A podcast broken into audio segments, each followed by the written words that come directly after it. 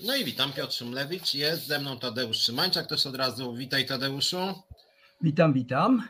E, dwa słowa, kiedyś Tadeusz już u nas był, natomiast tak sobie myślałem, żeby zacząć od tego, że e, właściwie mógłbym przedstawić Tadeusza Szymańczaka jako w dobrym tego słowa znaczeniu lobbystę, ale on nie jest lobbystą, dlatego że w Polsce lobbystami są jedynie ludzie bliscy rządowi. W Polsce w ogóle nie ma takiej instytucji jak e, e, lobbowanie. E, właściwie mamy tylko jednogłos rządu i jak ktoś nie zgadza się z rządem, to się go nie dopuszcza do różnego rodzaju informacji, wyklucza się go z różnego rodzaju ciał.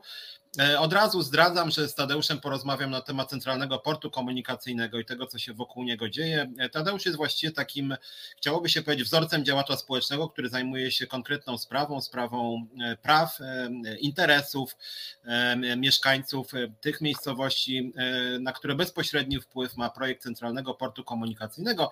CPK, o czym zaraz będziemy mówić, właściwie rozmawiałem tutaj już dobre kilka tygodni, właściwie kilkanaście tygodni temu, czy kilka miesięcy temu z Tadeuszem Szymańczakiem. CPK jak nie było, tak nie ma. Natomiast są bardzo konkretne działania wobec e, mieszkańców, wobec środowiska. Jest bardzo dużo planów e, wysiedleńczych, bardzo dużo się dzieje za plecami e, mieszkańców. W związku z tym Tadeusz jest takim no, obywatelem, który śledzi, co, to, co się tam dzieje, który sam zarazem walczy o swoje też prawa.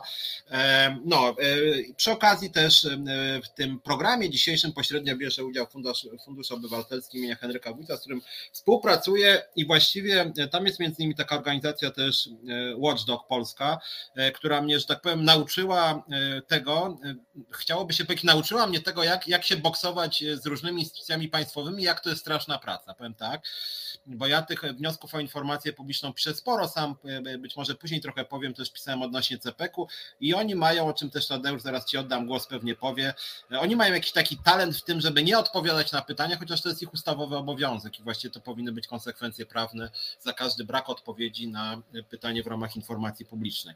No, ale w każdym bądź razie rozmawialiśmy o sprawie, no już dobrych, nawet e, kilka miesięcy temu, e, czy kilkanaście e, i i właśnie, co się zmienia w ostatnich miesiącach odnośnie CPK-u? Też nasi widzowie i widzki, no jak wiesz, pewnie część osób e, nie wie po prostu, co się tam dzieje, tylko słyszy gdzieś tam czasem w mediach coś się obije, więc postara się też mówić takim językiem, że tak powiem, zrozumiałym, bo ludzie mogą tego kontekstu wszystko nie znać. Mamy nowych widzów też wielu. E, co się dzieje z tym całym centralnym portem komunikacyjnym? Ostatnio ruszyła tylko plotka, że prezes Kaczyński ponoć tam tupie nogą gdzieś na Nowogrodzkiej, że w końcu cholera wie, czy w ogóle ten CPK powstania, przecież już bardzo dużo e, też e, no, ustaw nawet wdrożono, więc to jest taka dziwna plotka. Pytanie na ile prawdziwe. No ale co się w ogóle dzieje z tym CPK-iem? Jak ty to widzisz? E, jak ty to czujesz, że tak powiem? Jakie są twoje doświadczenia? Może takie na początek ogólne pytania, później możemy przejść do szczegółów. Panie Piotrze, bo chyba oficjalnie muszę mówić, poza anteną możemy sobie mówić inaczej. Zadał tu Pan bardzo dużo pytań, a odpowiedzi jest jeszcze więcej. Y, jak mnie nazwać? Y, nazywają mnie w spółce buntownik, polityk, y, członek mafii. No więc tak mnie przedstawiają, mnie to nie przeszkadza. Praktycznie to mi zostało z lat 80. Stoję zawsze po stronie pokrzywdzonych tym razem również i ja w tym gronie jestem, więc nie chciałbym mówić za dużo o sobie, a o osobach do wysiedlenia to jest w tych trzech gminach, Baranów, Teresin, Wiskitki, 8 tysięcy ludzi planowanych do wysiedlenia na bruk, przepraszam, na bruk, ewentualnie pomieszkania do wójta lub burmistrza.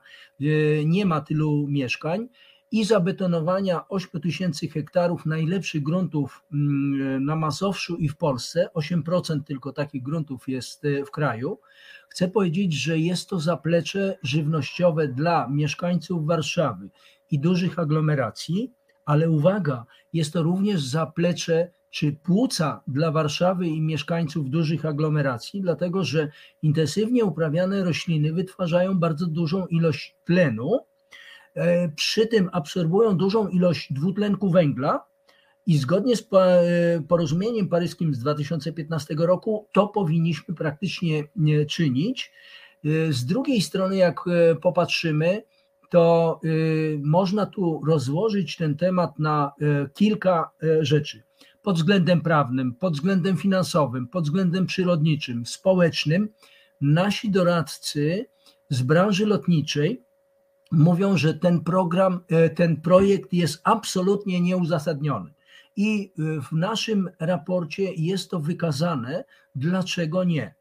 E, ponieważ mówimy o innych rozwiązaniach, o przede wszystkim pieniążkach obywateli, bo rząd nie ma swoich pieniędzy, on je tylko grabi i marnotrawi. Tak to praktycznie wygląda. Tworząc fundusze i synekury dla partyjnych i rodzin, wyprowadzili już w funduszach, jak się ocenia, około 460 miliardów złotych, która jest poza kontrolą społeczną. Dla mnie jest to przerażająca y, y, kwota, która zostanie do spłaty moim wnukom, czy też osoby, które mają swoje dzieci, wnuki, będą to musiały spłacić. Jak to wygląda pod względem organizacyjnym? Wróć, prawnym. Otóż y, specustawa o CPK jednoznacznie mówi, że y, jeśli chce ktokolwiek wejść na cudzą nieruchomość, musi do właściciela nieruchomości, podkreślam, musi, nie może, napisać prośbę o wyrażenie zgody.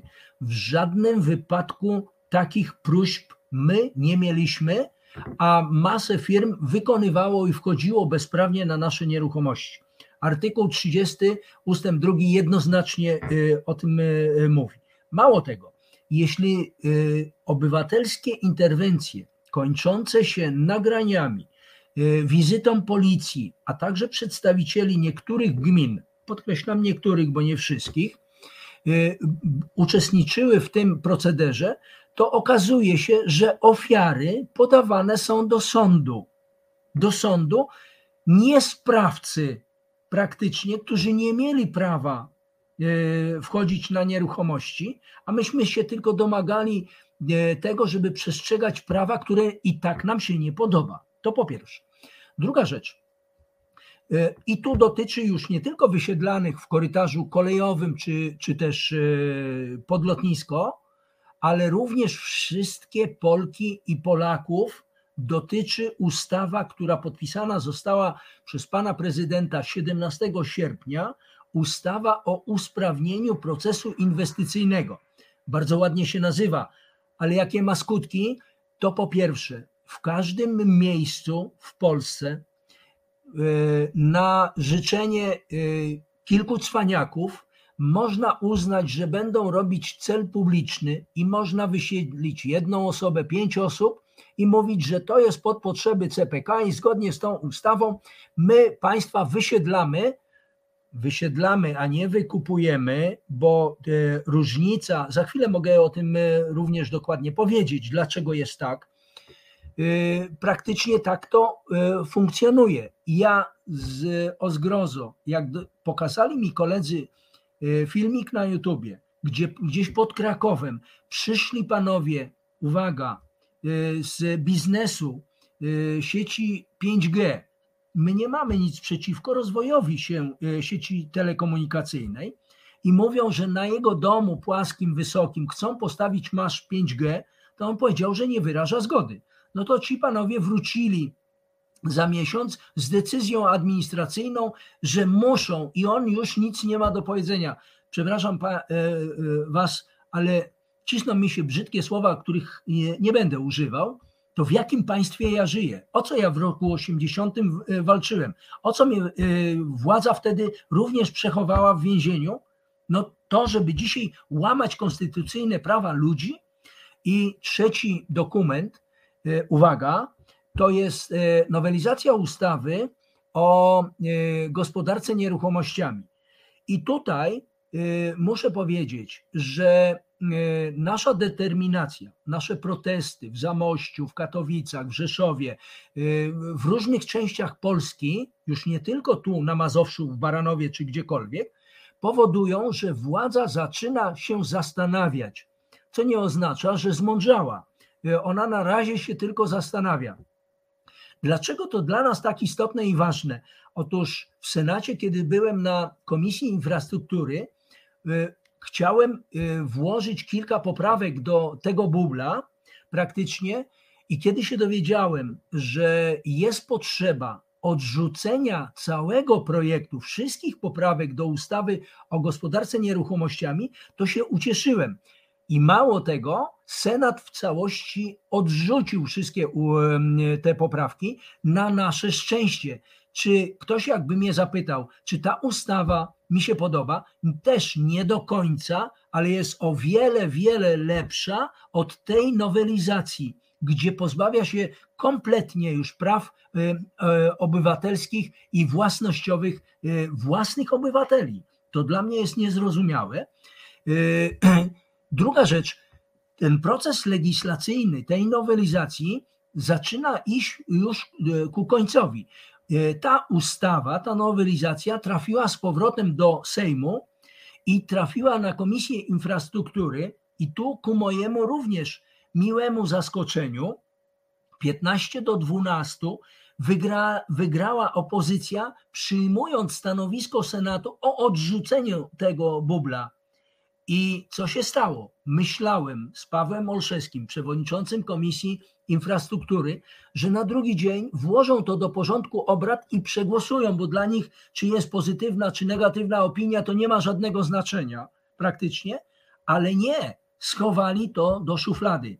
Wolałbym, żeby to włożyli do niszczarki. Tak jak zrobili to z ustawą, e, z nowelizacją ustawy o CPK, którą myśmy zrobili za własne pieniądze. Oni wrzucili to do niszczarki, mówiąc, że my jesteśmy członkami mafii i nikt nie będzie im pisał nowelizacji czy no, nowych ustaw. Tak to mniej więcej wygląda od strony prawnej.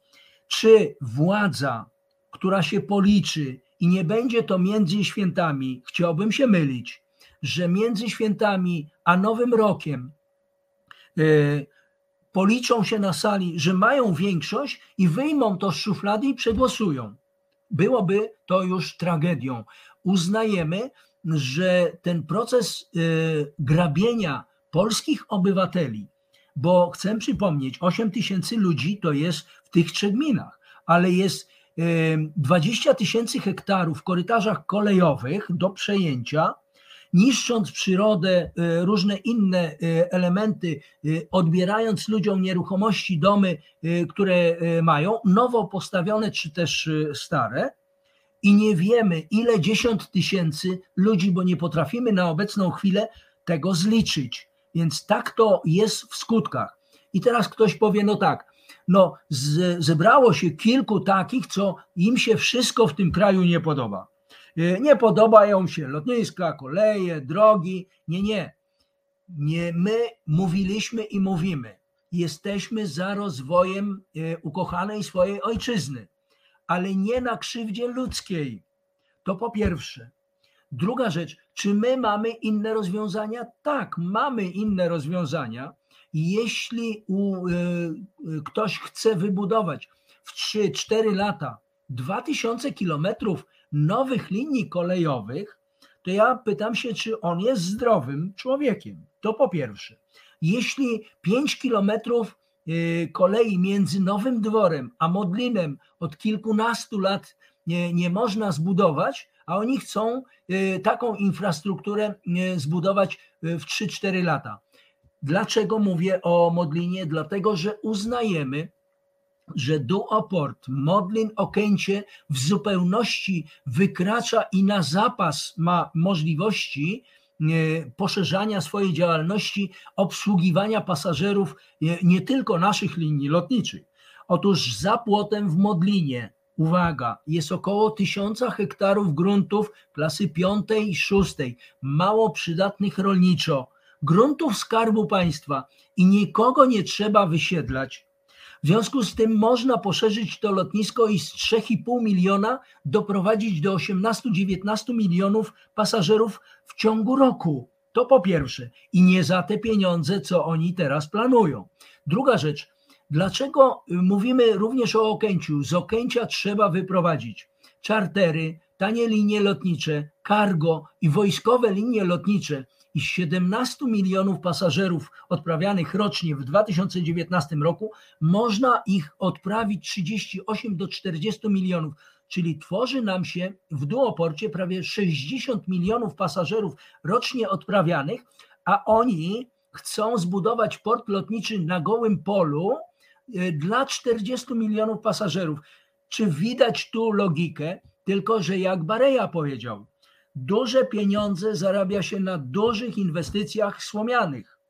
No a jak nie wyjdzie, bo tam jest e, pytanie zadane, no to się spisze protokół strat, czyli 8 tysięcy ludzi i ileś tysięcy ludzi w korytarzach kolejowych spisze się do protokołu strat. Takie są e, głowy. I teraz jak popatrzymy na stronę finansową, to na nasz wniosek Najwyższa Izba Kontroli przeprowadziła kontrolę i wykazała, że po pierwsze jest potężne opóźnienie, po drugie, że ten program nie spina się pod względem finansowym, a nie ma nawet planu finansowego.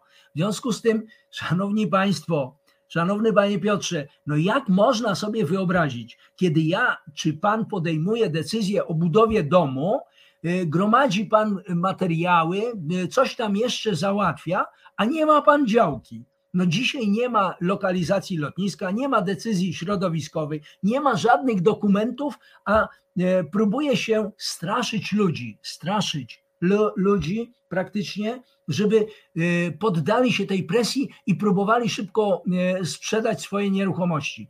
Przestrzegam przy okazji, jeśli ktoś nas słucha z tego obszaru, czy korytarzy kolejowych, czy lotniska, żeby zastanowił się nad tym, dlatego że dzisiaj wykupione ułamek procenta, promil procenta nieruchomości w tak zwanych dobrowolnych wykupach wcale nie leży na terenie lotniska. No więc pytanie znowu, to co będzie na pytanie e, pana Chorały i pana Wilda, to co będzie z tymi gruntami, co e, później na przykład? No to się sprzeda. Ja, ja przepraszam bardzo. Państwo staje się spekulantem. Czy obywatel wie, czy może sprzedać e, nieruchomość, a jeśli nie chce sprzedać, to trzeba przyjść do niego i zrobić mu taką propozycję, żeby wyraził zgodę. A może zgodnie z ustawą przedstawić mu dwie nieruchomości zamienne. To nie jest przywilej, to jest obowiązek, żeby mi przedstawić i e, moim kolegom dwie nieruchomości zamienne. Pięć lat o tym się mówi i tych nieruchomości zamiennych nie ma. Nie chciałbym za długo monologować, bo mógłbym jeszcze mówić y, o różnych oprawach, ale kiedy ja jestem na spotkaniach zapraszany, na przykład w korytarzu kolejowym między Łodzią a Poznaniem, i y, jestem w Sieradzu, jestem w Rublewie, 200 osób na sali, jestem w Błaszkach. Uwaga, uwaga, szanowni państwo, no ku mojej radości byłem na tym proteście, bo tam zamknęli najpierw drogę w ramach protestu, a później miały być tak zwane konsultacje społeczne. To kobiety stanęły w drzwiach i powiedziały: e, Ja, ja tego Państwu nie powtórzę, ale Państwo wiecie, pięć kropek, przerwa plus e, trzy kropeczki. E, powiedziały: Wąt stąd. I kiedy biegłem z kamerą za panem Kazimierzem ze spółki i mówię do niego: Panie Kazimierzu, niech pan się zatrzyma. Niech pan mi powie, jak się pan teraz czuje, bo ja jestem przez was nękany pięć lat, a pan przez jeden tylko wieczór. Niech pan po, uciekł, po prostu uciekł. Tak, tacy są bohaterowie, mało tego. E, jadąc dalej, w Kaliszu, gdzie na sali, e, na hali sportowej jest 600 osób, skandując, żeby mi oddać mikrofon, bo, bo e, wszystko oni robią ze spółki i z tej e, firmy, która niby robi, e, szanowni państwo, jakieś projekty, to skandowali ludzie, żeby oddać mi mikrofon. Kiedy w Pleszewie jest 500 osób na sali, kiedy w Jarocinie jest 300, 300 osób na sali, kiedy ja zebrałem w, w dostępie do informacji publicznej, nie wszyscy mi jeszcze odpowiedzieli, i mam 150 uchwał rad gmin, rad powiatów, rad miast i organizacji społecznych nie dla CPK, nie dla KDP. To ja pytam się, jak ja im mówię i pokazuję, a chcę e, spotkać się teraz z przewodniczącym Komisji Infrastruktury, panem Pawłem Olszewskim i przekazać mu to, a jeszcze nie wszystkie uchwały mam. To ja pytam się, czy władza słucha swoich obywateli? No, jestem przerażony tym, e, tym wszystkim i moja determinacja jest tak daleko posunięta, że e, nie wiem, czy to z mojej e, przyczyny, kiedy wracam z lotniska, bo wróciłem z zagranicy, spiesząc się na spotkanie w sąsiedniej gminie w Kampinosie, konkretnie w Szczytnie. Szanowni Państwo, kiedy przyjeżdżam z synem, co prawda 15 minut spóźniony, i widzę na placu y, trzy, trzy radiowozy policji na sygnałach świetlnych, to ja mam takie y, wnioski. Czy mnie się boją i mnie chronią przed y, obywatelami? Czy oni przywieźli tak dobrą tą propozycję dla mieszkańców, że boją się, żeby się na nich nie rzucili? Czy też sami się bo, boją? Szanowni Państwo, władza represyjna nie może sprawować władzy w tym państwie. To jest państwo opresyjne. Tak być nie może. I dlatego wszędzie namawiam do nieposłuszeństwa obywatelskiego. To my nagrywamy ich, jak łamią prawo, a oni nas podają do sądu. Czy ofiarę się podaje do sądu? A bywa i tak, że moich kolegów z gminy Wiskitki czy Baranów Y, podaje policja do sądu, a sądy wydają wyroki zaocznie. Mi rodzice opowiadali, co to znaczy w wojnę było mieć wyrok zaocznie. Bardzo źle mi się to kojarzy.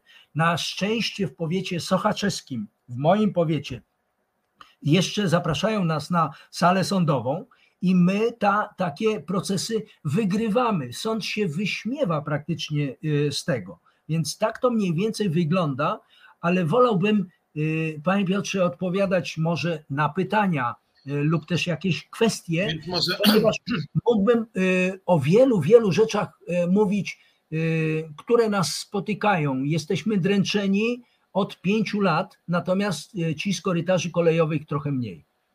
Więc może uzupełnię to, co mówisz, czy jakby dam Ci takie pole tutaj, bo widzę komentarze różnych naszych widzów i widzek.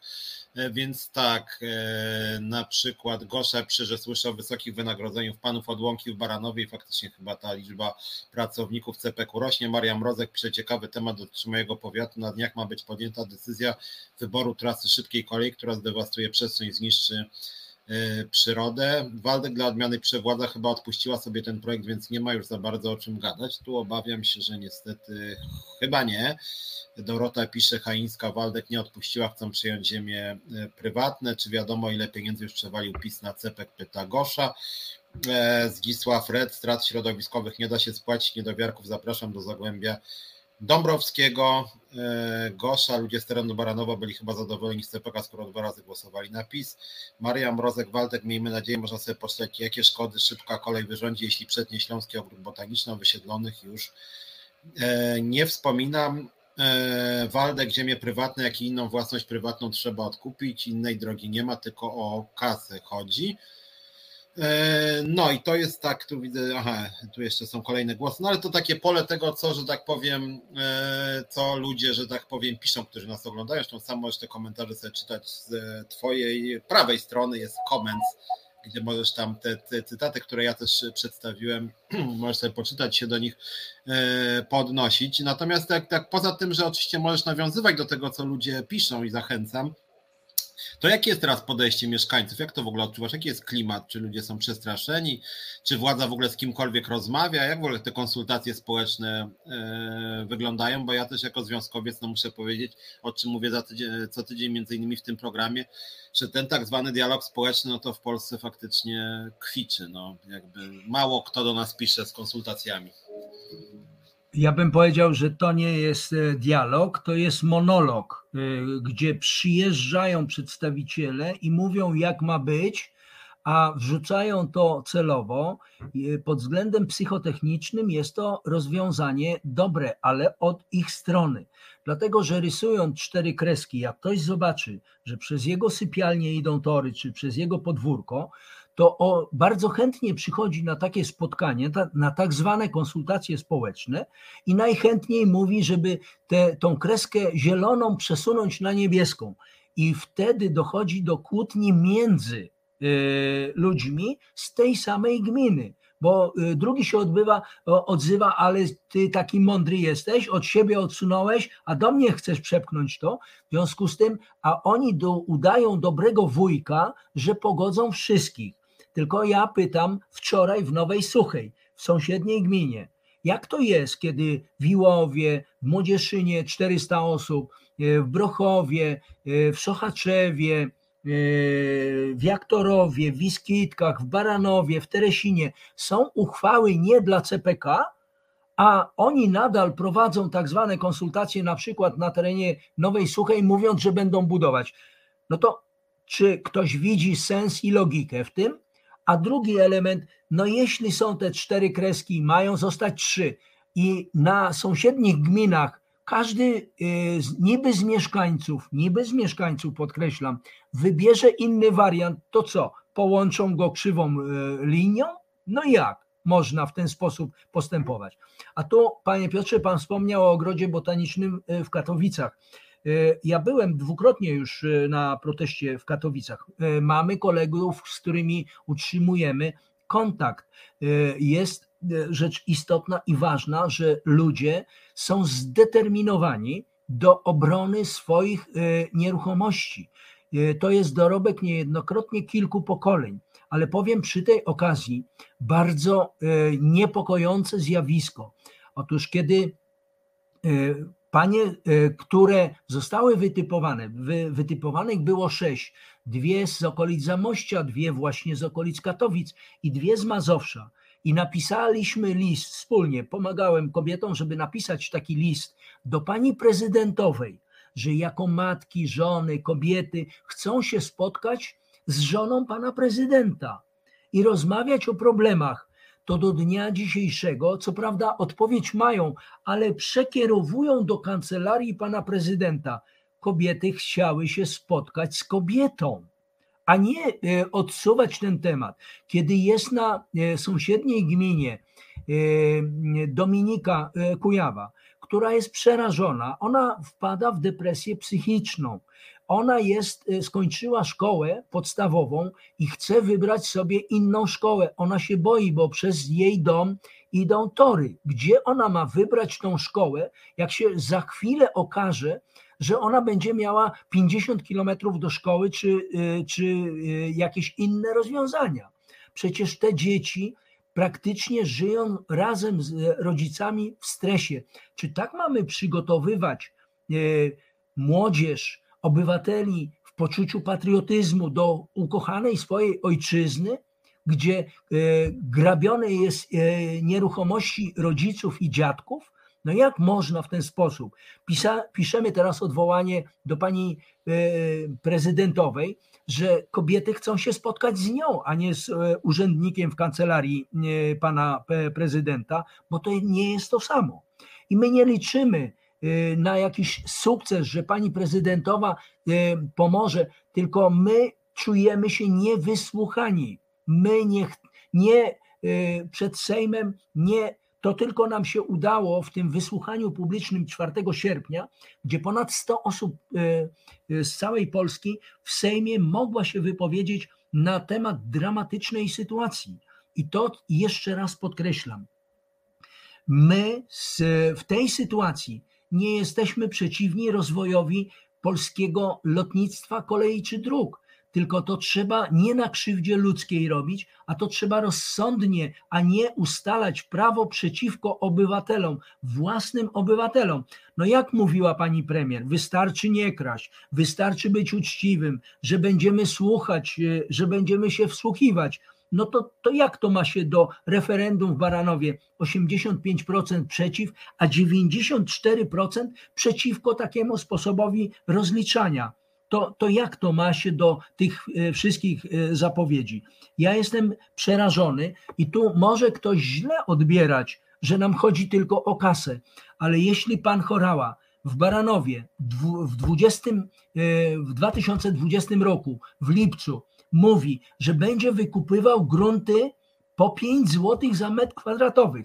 No ja przepraszam bardzo, spółka prawa handlowego będzie e, kupowała od nas po 5 zł 50 tysięcy za hektar, nie ma takich e, już e, cen, a taka sama spółka prawa handlowego, przychodząc na teren gminy Wiskitki czy Teresin, wykupując grunty rolne pod działalność też gospodarczą, płaci 200-250 zł za metr kwadratowy.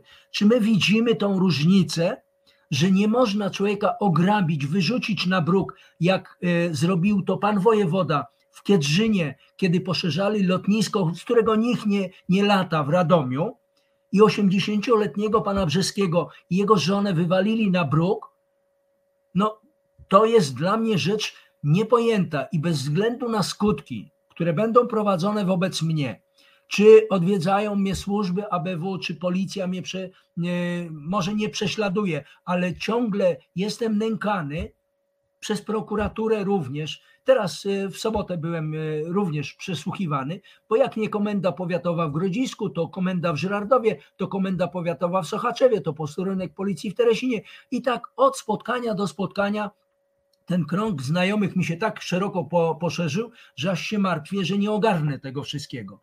Więc ja tylko o jedno. Panie Piotrze, myśmy wcześniej rozmawiali. Ja będę próbował, nie mogłem się dodzwonić do y, Agnieszki, ale również zbieramy wszystkie stanowiska organizacji pozarządowych.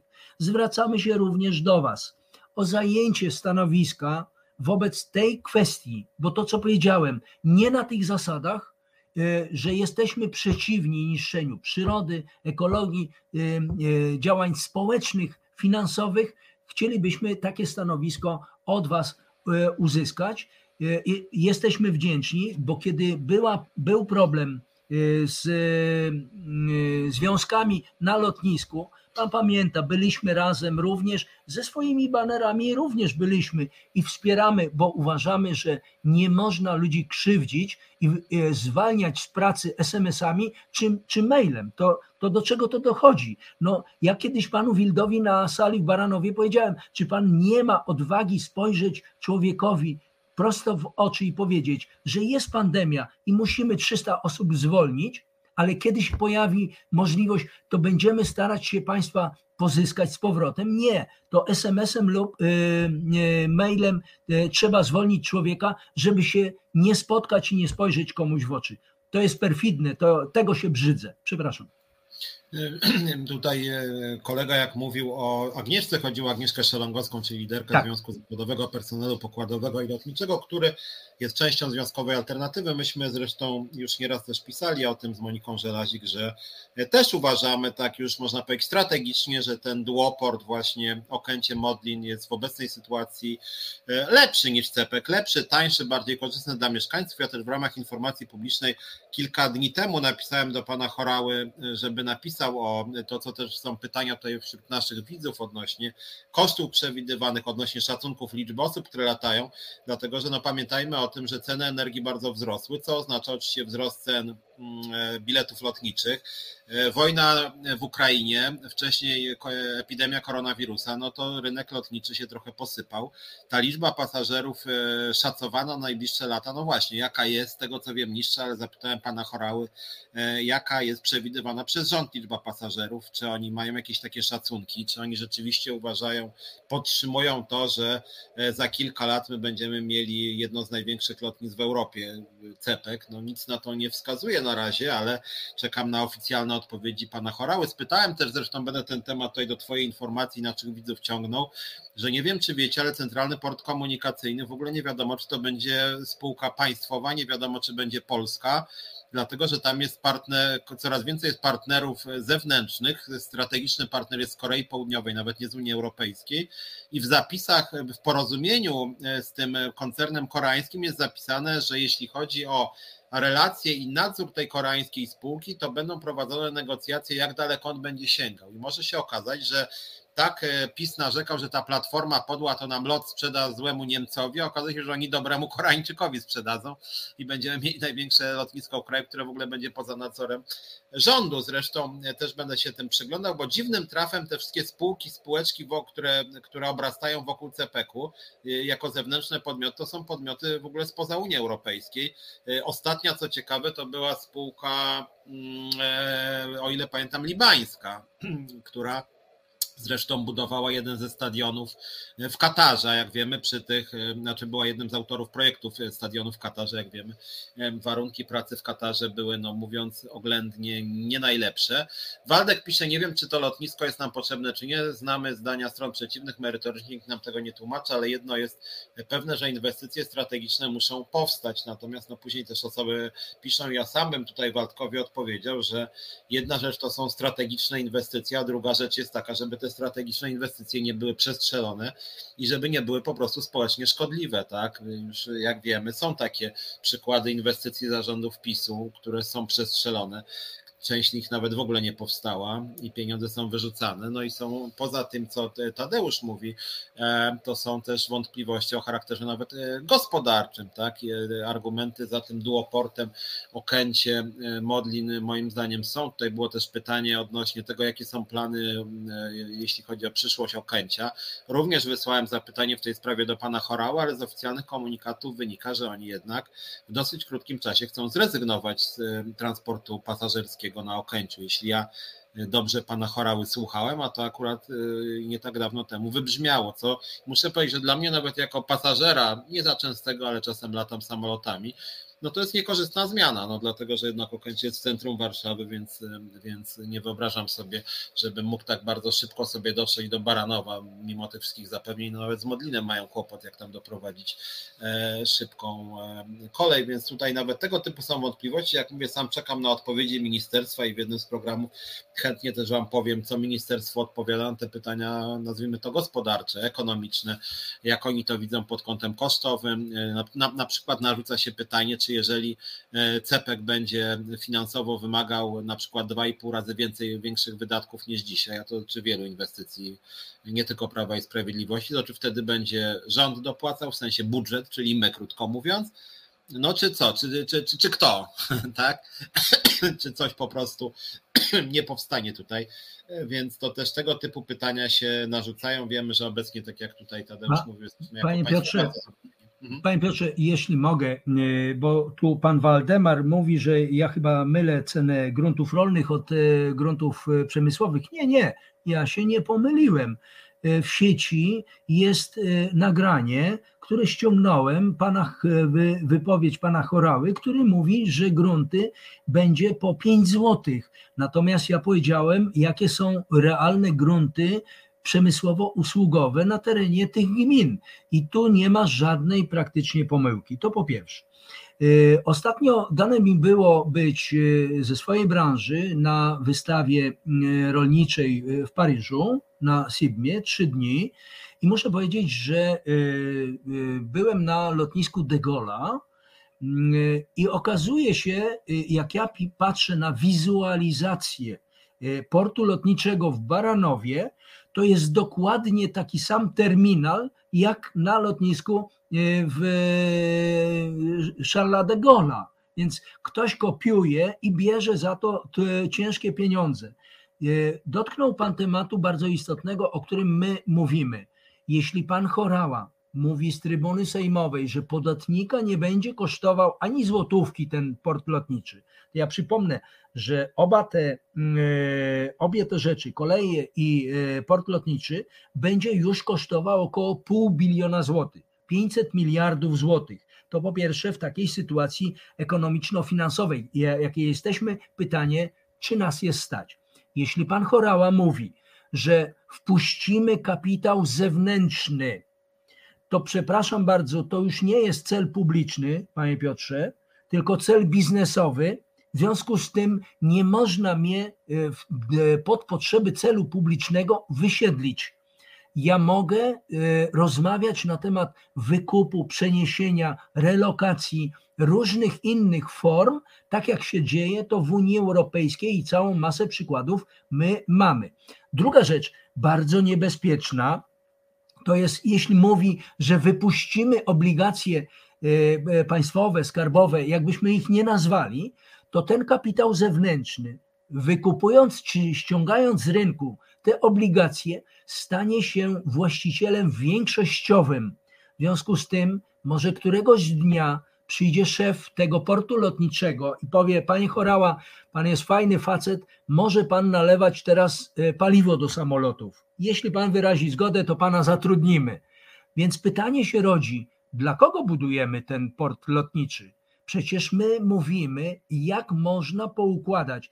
Jeśli ludzie e, na spotkaniach, tych, których wspominałem, mówią, że proszę nam wyremontować e, e, stare tory, które są, bo jesteśmy wykluczeni. Jak 20 lat temu miliard ludzi jeździło kolejami, tak teraz jeździ jedna trzecia. To pytam się, jak zbudujemy nowe linie kolejowe, to będzie więcej jeździć? Wczoraj na spotkaniu w Nowej Suchej pani się pyta, czy ona z Nowej Suchej będzie mogła wsiąść do pociągu, jechać do Gdańska. Tak, będzie pani mogła zwykłym pociągiem jechać albo do Baranowa i przesiąść się na ten KDP, jechać przez Nową Suchą do Gdańska. E, te koleje nie są dla mieszkańców tych gmin. Mówienie, że im zrobią tam przystanek jest jest zwykłym oszustwem. Mówienie, że będą jeździć po tych torach inne pociągi, to ja chcę powiedzieć tak, z wiedzy, którą posiadłem, że kolej dużych prędkości 250 do 350, y, która jest planowana, jest zupełnie inną linią energetyczną zasilaną. W związku z tym, jak ktoś mi później dodaje, że pociągi będą i takie, i takie, to, to mówi po prostu nieprawdę. A co z hałasem? A co e, jeśli w ustawie tej o e, usprawnieniu procesu inwestycyjnego wykreśla się możliwość dochodzenia chociażby na drodze cywilnoprawnej odszkodowania z tytułu hałasu, drgań i innych, czyli co? Ja na całe życie, moja rodzina, moi wnukowie będą mieszkać bez możliwości jakiejkolwiek rekompensaty w tym zakresie? no to jest rzecz skandaliczna. To nie jest prawo dla obywateli, to jest prawo przeciwko obywatelom. I przestrzegam wszystkich, którzy się e, dość odważnie wy, wypowiadają. Ja dzisiaj na Radzie, e, wróć, dzisiaj na komisji w Radzie Powiatu Żyrardowskiego mówiłem, że jeśli ktoś nie posiada dostatecznej ilości wiedzy, to lepiej się nie odzywać, a posłuchać a są tacy odważni, co to mówią, że no przecież wam zapłacą. I, I to mówią prawdę. Tylko czy będziesz w stanie w drugim miejscu się wybudować w tak krótkim czasie, 30 dni masz na opuszczenie swojej nieruchomości, w drugim miejscu się wybudujesz, no przecież to jest paranoja. Jeśli ktoś wziął kredyt i ma na przykład dziesięcioletni dom, od tego odliczą mu amortyzację, pomniejszą wartość praktycznie i wypłacą. To pierwsze, który się zgłosi do niego, to będzie bank, żeby natychmiast oddał zobowiązanie. Czy to zobowiązanie przejmie spółka CPK, nie, nieważne. Zostanie mu jeszcze część kredytu do spłaty, nie mając warsztatu pracy, nie mając mieszkania i nie mając możliwości jakiegokolwiek ruchu. Ktoś mi mówi, że mogę podać ich do sądu cywilnego. Tylko w sądzie cywilnym to po pierwsze muszę mieć opłatę, pieniądze na wniesienie pozwu y, sądowego i trwa to 6 lat.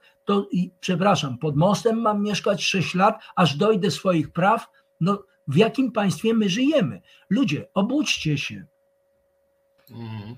Tutaj kolejny, kolejny, moim zdaniem błędem Macier brak tu sensu, remonty linii leżą, relacja Warszawa-Szczecin jest tego dowodem, oni w Malignie majaczą, wiecie, to Radom ma ruszyć, kolejni przewodnicy dochodzą, ale fakt faktem źle z państwem postąpili siłowa eksmisję, bo tak wojewoda postąpił, bo to było beznadziejne. Mm, nie, nie wiem, czy pana prośby będą wysłuchane, to gorzej niż za komuny straszne czasy i rządy. Małgorzata Religa pisze i tu nie schodzimy trochę niżej, a i o, o, Hiszpanii i Niemczech też jest, że tam jest nietrafiona inwestycja, lotnisko w Berlinie 10 lat opóźnienia, budżet trzykrotnie wyższy, no to jest właśnie to nasze wspólne de facto. Pod Madrytem stoi za 10 tysięcy euro sprzedane, a kilka, e, kilka miliardów złotych tam włożono. Drugi przykład to jest w Kanadzie, gdzie e, są wyścigi e, samochodowe, a grunty oddali e, farmerom. No, no takie są e, rzeczy, jeśli ktoś chce budować pomniki, to jeden już mamy. E, panie Piotrze, no, e, chcę powiedzieć tak, że mm, już pobudowali elektrociepłownię w Ostrołęce. Praktycznie no można powiedzieć, że no dobrze, nie ma, nie skończyli, ale spółka, która tam e, e, zawiaduje tym wszystkim, bierze niezłe pieniądze i funkcjonuje nadal dobrze. Jeśli za pilnowanie łąki w Baranowie bierze pan prezes 50 tysięcy złotych, waszych również i moich podatków, e, pana również, to, to coś tu jest nie w porządku. Kiedy ta chucwa rodziny i partyjniaków jest ściągana, że kolega z Gdańska przyciągnięty jest do zarządu, który nie ma zielonego pojęcia, w moim przekonaniu, o lotnictwie, zasiada w zarządzie, no to o czym my praktycznie mówimy? Jest to grabienie pieniędzy, publicznych pieniędzy. I panie Piotrze, mój kolega, minister rolnictwa, e, Wojtek Mojzesowicz, swojego czasu, kiedy organizowałem spotkanie z byłymi ministrami e, rolnictwa w Baranowie, na terenie gminy Baranów, to było w Kaskach, on powiedział, i do mnie to dotarło, bo ja jak gdyby na początku nie zrozumiałem tematu, ale mówi Tadeusz, czemu ty się dziwisz? Przecież oni nie można ich oskarżyć, że oni kradną. Nie można tego czynić. Oni się zatrudniają nawzajem, tworząc spółki, spółeczki, całe powiązania i biorą grube pieniądze. Mało tego, jeszcze się chwalą, że są bohaterami, bo odprowadzają podatek do budżetu państwa. No, czy to nie jest ironia? Wojtek Mojzesowicz otworzył mi e, klapkę do, do myślenia. Tak to praktycznie na dzień dzisiejszy e, funkcjonuje. A moja żona ma 1256 zł e, emerytury i cały czas się zastanawiamy, na co to wydać. Mało tego, władza, ja już może nie jest ze swojego podwórka, władza nie, może, nie mogąc zaspokoić potrzeb e, mieszkańców, węgiel chociażby, nadal eksportujemy węgiel, a sprowadzamy jakieś błoto e, z innych kontynentów i dzisiaj będzie znowu IRHA, czyli Inspekcja e, Robotniczo-Chłopska, badać i sprawdzać, czy węgiel się nadaje do palenia, czy nie, a pan prezes będzie mówił, że palcie wszystkim, byle nie oponami, no to e, ja przepraszam bardzo, w którym kierunku my idziemy? To jest dla mnie niezrozumiałe. I jak się zorientowali, że węgla nie będzie można kupić normalnie, to dają ludziom po 3000, po 2000 w zależności od źródła e, energii pieniędzy. No i co z tego, jak weźmie ktoś 3000 zł i kupi jakieś błoto z Kolumbii czy też z Australii? Do kogo on pójdzie na skargę? Do pana prezesa? Przepraszam, ja przy okazji się denerwuję, jeśli kogoś moim zachowaniem, moją ekspresją troszeczkę urażam, E, nie jest to moim powodem, żeby kogoś wyprowadzić z równowagi. Absolutnie. tak się nie dzieje. Charlie Bell pisze, pierwotne założenie było takie, że Okęcie jest niewydolne, jest Modlin, powstaje Radom, który dodatkowo jest komunikowany z Warszawą. Jest Łódź już dobrze skomunikowana na cholerę nam. E, Cepek, mm, więc tutaj są też jakby inne takie e, inspiracje. Zamiast wykorzystać te lotniska, pomyśleć nad poprawą komunikacji, to budują coś, czego nam nie trzeba. Rozumiem, że Okęcie zapchane, ale można to już i teraz e, rozładować. Małgorzata Religa, panie Tadeuszu, wielki szacunek, ale to walenie grochem o ściany. Jeśli ludzie nie otworzą oczu, patrzą, a nie widzą, słyszą, a nie słuchają, brawo, panie Tadeuszu. To może, to może powiedzmy tak, szanowni państwo, e, nie byłem partyjnym człowiekiem, e, nie jestem związany z żadną partią polityczną, to, to kolejny element, ale proszę Państwa, bez względu na to, kto jakie ma sympatie, y, nie głosujcie na partię PiS, głosujcie na kogokolwiek, nie wskażę Wam, bo byłoby to nie taktem wskazywać, bo moglibyście mnie posądzić o y, jakąś stronniczość, ale partia, która krzywdzi ludzi, a mówi, że jest partią katolicką, jest praktycznie dla mnie nie do zaakceptowania. Skończę wątek, bo zacząłem. Jeśli w Błaszkach ja słyszę, że 5 kilometrów od starej linii kolejowej budowana będzie nowa linia kolejowa KDP, która nie będzie dla mieszkańców e, gminy Błaszki, gdzie dworzec kolejowy, który jest w Błaszkach, jest zabity deskami i jest zamknięty i nie można tam ani biletu kupić, ani kawy, ani herbaty, ani przed deszczem się schować, to ludzie domagają się, żeby przywrócili im chociaż tyle pociągów, ile było poprzednio. Ani oni nie chcą nowych linii e, kolejowych. Czy to do władzy dociera? Nie. To do ludzi normalnych to dociera po dyskusji, bo ja uważam, że dialog jest wtedy, kiedy dyskutują dwie strony, kiedy szukają kompromisu. Natomiast z monologu nigdy nie zrobimy dialogu, bo nie przekonam pana, że ja mam tylko rację. Nauczyłem się, że drugą stronę też trzeba słuchać, mimo że ma inne zdanie niż ja, i kiedy nie znajdujemy kompromisu, to na koniec zawsze mówię: zostańmy przy swoim zdaniu. Ja nie zamierzam nikomu na siłę przekonywać do swoich poglądów ale trzeba szanować prawo, prawo własności, prawo rodziny, y, różnych zachowań w środowisku. Przecież ci ludzie są patriotami, chcą pracować na rzecz swojej ukochanej ojczyzny. A co im rząd funduje? Kolejną falę emigracji. Jak ja słyszę mojego syna, że mówi, że on ma już dość, on ma czwórkę dzieci i on mówi, że ma dość w tym kraju, pracuje razem ze mną w gospodarstwie, i że jeśli będzie tak dalej, to on wyjedzie do innego e, kraju. Czy na tym polega, żeby ludzie cenni, którzy pracują, do, e, wytwarzając dochód e, narodowy, inni ten dochód narodowy rozdawali? Ktoś może źle odbierze, ale jak ja słyszę, że już będą obiecywać 15 emeryturę, ja bym powiedział tak, niech emerytów nie okradają, a oni ze swoimi pieniążkami będą wiedzieć, co mają zrobić.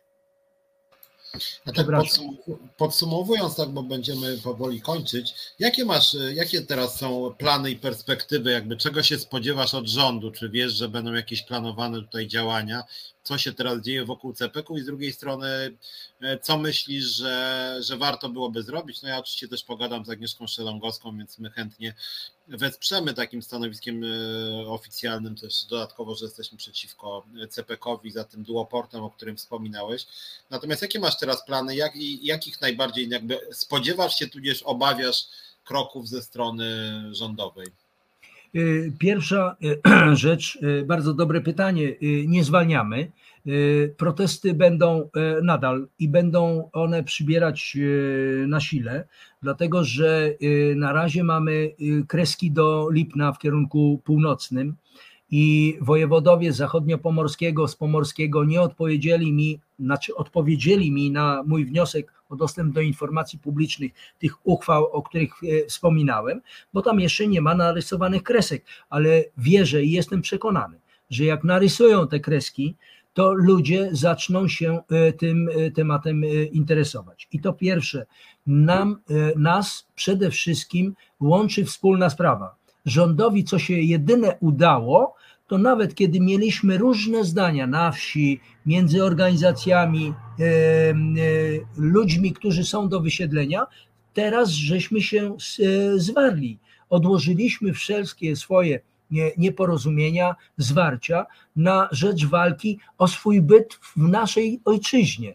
No jeśli ktoś nie widzi, panie Piotrze, że również ubolewam, składam kondolencje osobom bliskim, które dwóch Polaków zginęło, nie wiadomo jeszcze z czyjej przyczyny, ale takie są skutki, jeśli ktoś wojny nie widzi, to po prostu i tego zagrożenia myśli, że to wszędzie może być, ale nie u nas, to pamiętajcie, budowanie takiego potężnego lotniska spowoduje tylko, że ten psychopata e, e, Putin wyśle dwie rakiety na, do Baranowa i wyłączy cały system komunikacyjny w kraju, czyli węzeł kolejowy i lotnisko. Dzisiaj na świecie idzie się w e, kierunku dywersyfikacji, czyli małych lotnisk z możliwością E, skomunikowania tego z kolejami, z, e, z drogami, a nie budowanie gigantów e, i pomników. Będzie to, nie wiem, kolejny pomnik Jarosława Niskiego, czy jak, no, no, no nie wiem. Ja przepraszam, ale po prostu nie wytrzymuję, bo ja tych ludzi praktycznie i Lecha, i Jarosława znałem osobiście. Mi jest wstyd wstyd przed ludźmi, że kiedyś razem byliśmy w jednym miejscu i mówiliśmy sobie na ty. Dzisiaj nie odważę się tego e, mówić, choć historia tego nie wykreśli. Natomiast ci ludzie nie zmądrzeli. Jarosław praktycznie nie zmądrzał. Jeździ po kraju, opowiada bajki dla dorosłych, śmieje się e, z kobiet. No to, to jest uwłaczające. No jak można kobietom y, mówić, no ja miałem to szczęście, że moja żona do 25 roku nie dawała w szyję, to mam trójkę dzieci. No, no, no szanowni państwo, jestem szczęśliwy z tego powodu. Gdyby pewnie żona dawała w szyję, nie miałbym trójki dzieci. Więc y, ten naczelnik, ten niski człowiek praktycznie lepiej, żeby się nie wypowiadał, bo szkodzi Polsce praktycznie i z jego dobrocią to wolałbym, żeby poszedł do kościoła, już wziął różaniec i się modlił o swoje zdrowie, bo przepraszam, ale muszę powiedzieć, o zdrowie to już chyba za późno.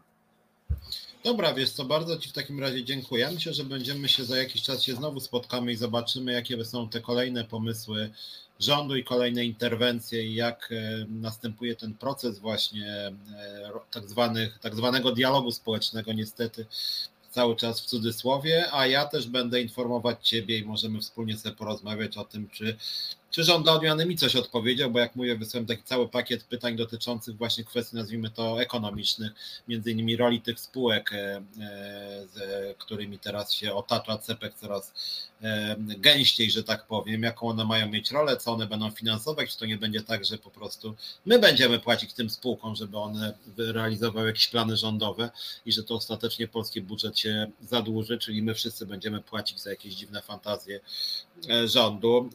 Też za zapytałem pana Chorały, jakie są plany zatrudnienia w CPK-u planowane, jakie to mają być koszty też i za co ci ludzie tam dostają. To z tego co pamiętam średnio chyba 13 tysięcy, ostatnio była z tendencją 13,5 tysiąca 530 osób pracuje już w spółce i mówią, że to jest mało.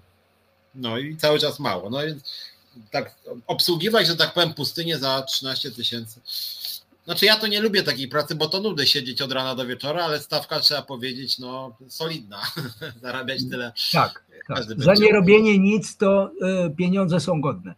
Tak, to jest panie Piotrze, y, panie Piotrze, ja bym chciał zaapelować do osób, żeby po prostu w swojej wiedzy, którą zdobywają, czy to y, telewizji rządowej, czy y, niezależnej, choć trudno mówić, że niektóra telewizja jest niezależna. Wasze medium można uznać za niezależne y, w całości. Natomiast facet, który nie miał żony i mówi o dzieciach, nie, nie miał nigdy kobiety i mówi, jak żyć w rodzinie. Ja pewnych rzeczy nie rozumiem wolałbym, tak jak powiedziałem, jeśli nie mam wiedzy w e, danym zakresie, to wolę posłuchać innych, niż się wymądrzać, jak to powinno być. Każdy e, u nas jest świetnie wyposażony, każdy zna się na rolnictwie i lotnictwie teraz, e, no na medycynie też jeszcze się ludzie znają. W związku z tym uważam, że nie życzę swojemu krajowi źle, ale pieniądze, które na nas czekają, a ci grabieżcy praktycznie blokują, zwalając to na innych, to trzeba mieć naprawdę dużo tupetu, żeby w ten sposób podchodzić do tematu. Sądownictwo praktycznie miało być poprawione, leży totalnie, prokuratura leży totalnie, e, Trybunał Konstytucyjny leży, praktycznie pytał Pan mnie, Panie Piotrze, co dalej będziemy robić. Wszystkie te dokumenty, które zbieram, a zbieram na papierze, Y, jeśli nie da się tego w normalny sposób w tym kraju, y, żeby było prawo szanowane, żeby rodziny były szanowane, to jeszcze zostaje nam droga y, do Brukseli i do, do Strasburga. Europejski Trybunał Praw Człowieka, Komisja Europejska, praktycznie no, mamy również, zbieramy swoje materiały dotyczące środowiska i jego ochrony. W związku z tym nie pójdziemy tam na pewno z gołymi rękami, tylko wolałbym e, praktycznie, żeby problem Polaków rozwiązywali e, na swoim podwórku i Polacy, a niekoniecznie fatygować do tego inne instytucje. Dziękuję. Dobra, bardzo Ci w takim razie dziękuję i oczywiście życzę powodzenia. My będziemy ze sobą rozmawiać, natomiast Tadeusza też chętnie zaproszę, pomyślimy na przykład za miesiąc czy półtora, co tam się w tym CPK dzieje. Kto wie, być może spotka nas niespodzianka i nagle pan prezes tupnie nogą Kaczyński, powie, że jednak ten CPK to trzeba odłożyć na lat 5, tylko jak znam życie, oni odłożą za lat 5, a wszystkie te etaciki za 13 tysięcy oczywiście sobie zostawią i pewne czynności dla nich korzystne będą dalej ciągnąć. W związku z tym ja się, no bo to też wcale nie jest dobra opcja dla Polski, że CPK nie powstanie, e, ludzi się z domów powyrzuca i sobie przejmie to skarb państwa i coś tam z tymi terenami zrobi. E, obłowią się ci aparatczycy pisowscy, będą sobie przez na przykład 4 lata płacić po 13 czy już później 17 tysięcy, a CPK, jak mówię, nie powstanie. To też jest opcja, znając tą ekipę, bardzo prawdopodobna właściwie. Zapłacą tam miliard. Więc... tak, e, tak może być. E, jeszcze raz e, zwracam się o prośbę w sprawie tego stanowiska wobec tutaj marnotrawstwa tych pieniędzy publicznych. Dobra, bardzo w takim razie Ci dziękuję i powodzenia życzę, żeby Cię tam też ta policja nie męczyła za bardzo i żebyś sobie oczywiście dobrze radził i będziemy Cię wspierać też i bardzo Ci dziękuję. Panie Piotrze, przyrzekłem sobie, że będę żył 100 lat na złość tym, co mnie nie lubią. W związku z tym niech mają się na baczności, niech przysyłają po 3-5 radiowozów, tylko to jest również na koszt podatnika. Policja powinna ścigać bandytów, przestępców, złodziei, a nie ludzi, którzy są ofiarami. Też, też mi się tak wydaje. Dobra, zróbmy w takim razie przerwę. E, później już ja wrócę sam i będę mówił o różnych problemach, między innymi z ZUS-em, który tutaj był wspominany, co tam się dzieje. Dzieje się niestety nie za ciekawie również odnośnie tego, jak podchodzi do innych. Ale zostać mogę. Możesz zostać. E, ale póki co przerwę robimy. No, trzymaj się w takim razie i bardzo Ci dziękuję. Dziękuję i pozdrawiam. Gdybyśmy się do świąt nie widzieli, Szanowni Państwo, życzę każdemu zdrowych, pogodnych, spokojnych przede wszystkim i radosnych świąt nadchodzących, choć to jeszcze odległa pora, ale staram się pamiętać y, o wszystkich. Panu, panie Piotrze, również wszystkiego najlepszego. Dziękuję bardzo.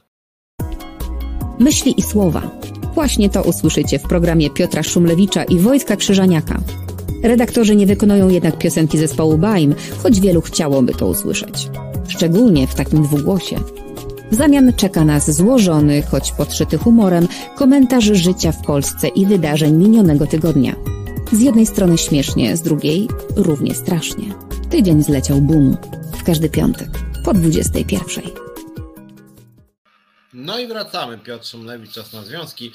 E, w pierwszej części programu może ktoś widział momentami pokasływałem, a pokasływałem nie dlatego, że jestem chory, tylko dlatego, że pędziłem na nasz program, bo dzisiaj jest jakieś wariactwo na mieście. Byłem dzisiaj na konferencji na temat dyskryminacji ze względu na orientację seksualną, e, robioną między innymi przez organizację Miłość Nie Wyklucza. To jest dosyć ciekawe, swoją drogą i skanską też taką firmę szwedzką.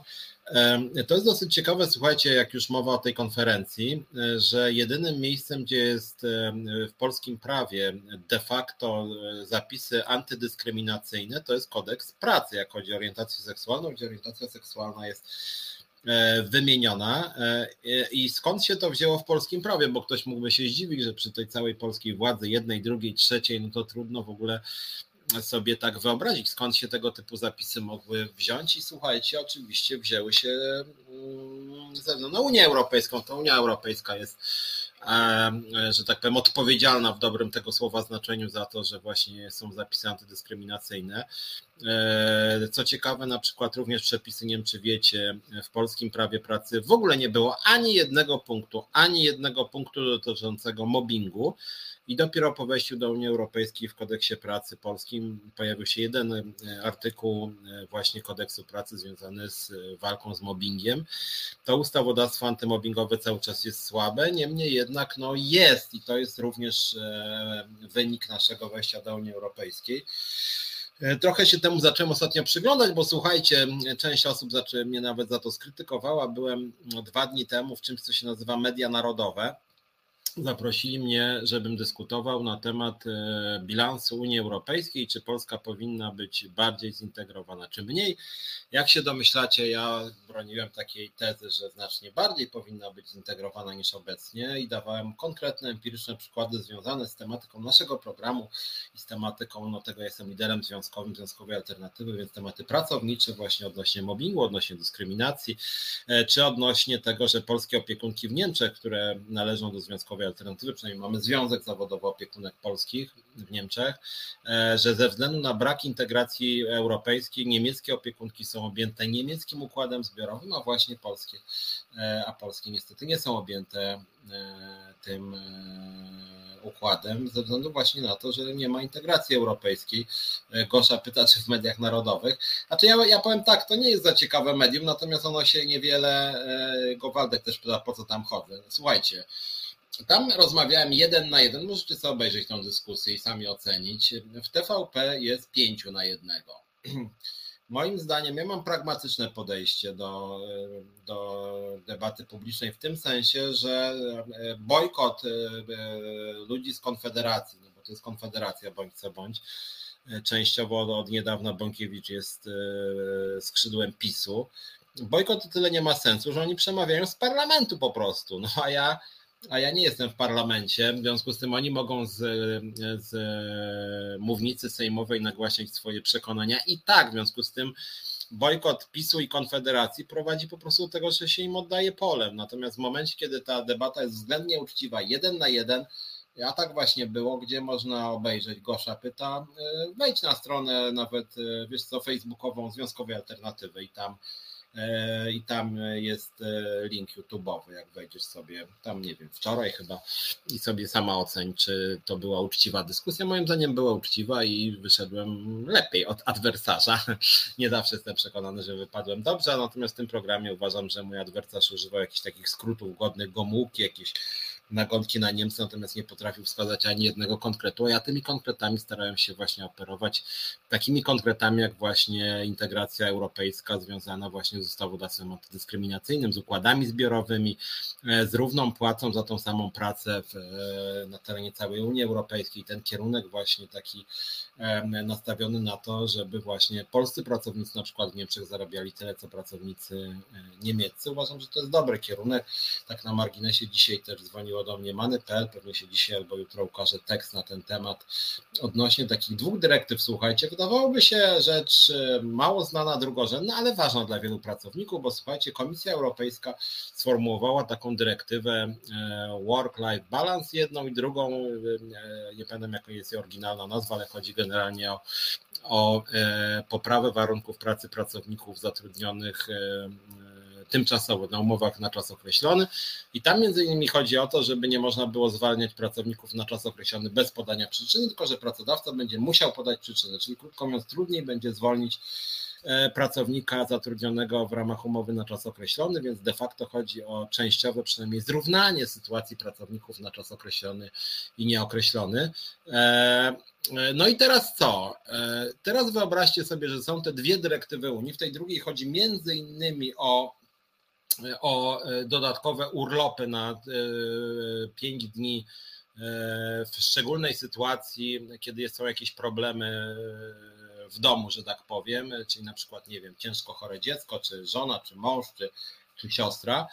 E, e, I to nie są jakoś bardzo daleko idące propozycje, natomiast niewątpliwie one idą w kierunku częściowego, e, czy takiej niewielkiej, ale jednak poprawy możliwości zrównywania obowiązków zawodowych i rodzinnych. Plus niewielkie zwiększenie stabilności na rynku pracy związane właśnie z tym, żeby trochę trudniej było zwalniać pracowników mających umowy na czas określony, a warto powiedzieć, że Polska jest w czołówce krajów zatrudniających na czas określony, że jeżeli już nawet ktoś ma etat, to w Polsce około 15% z tego co pamiętam pracowników ma właśnie umowy na czas określony, 85 nieokreślony, 15 określony z tych etatowców, tak? I co robi Prawo i Sprawiedliwość, nasza kochana władza? Blokuje nie wdraża. Minął termin wdrożenia już trzy miesiące i cały czas jeszcze PiS tego nie wdrożył, że niby taka socjalna partia, że ta Unia taka neoliberalna.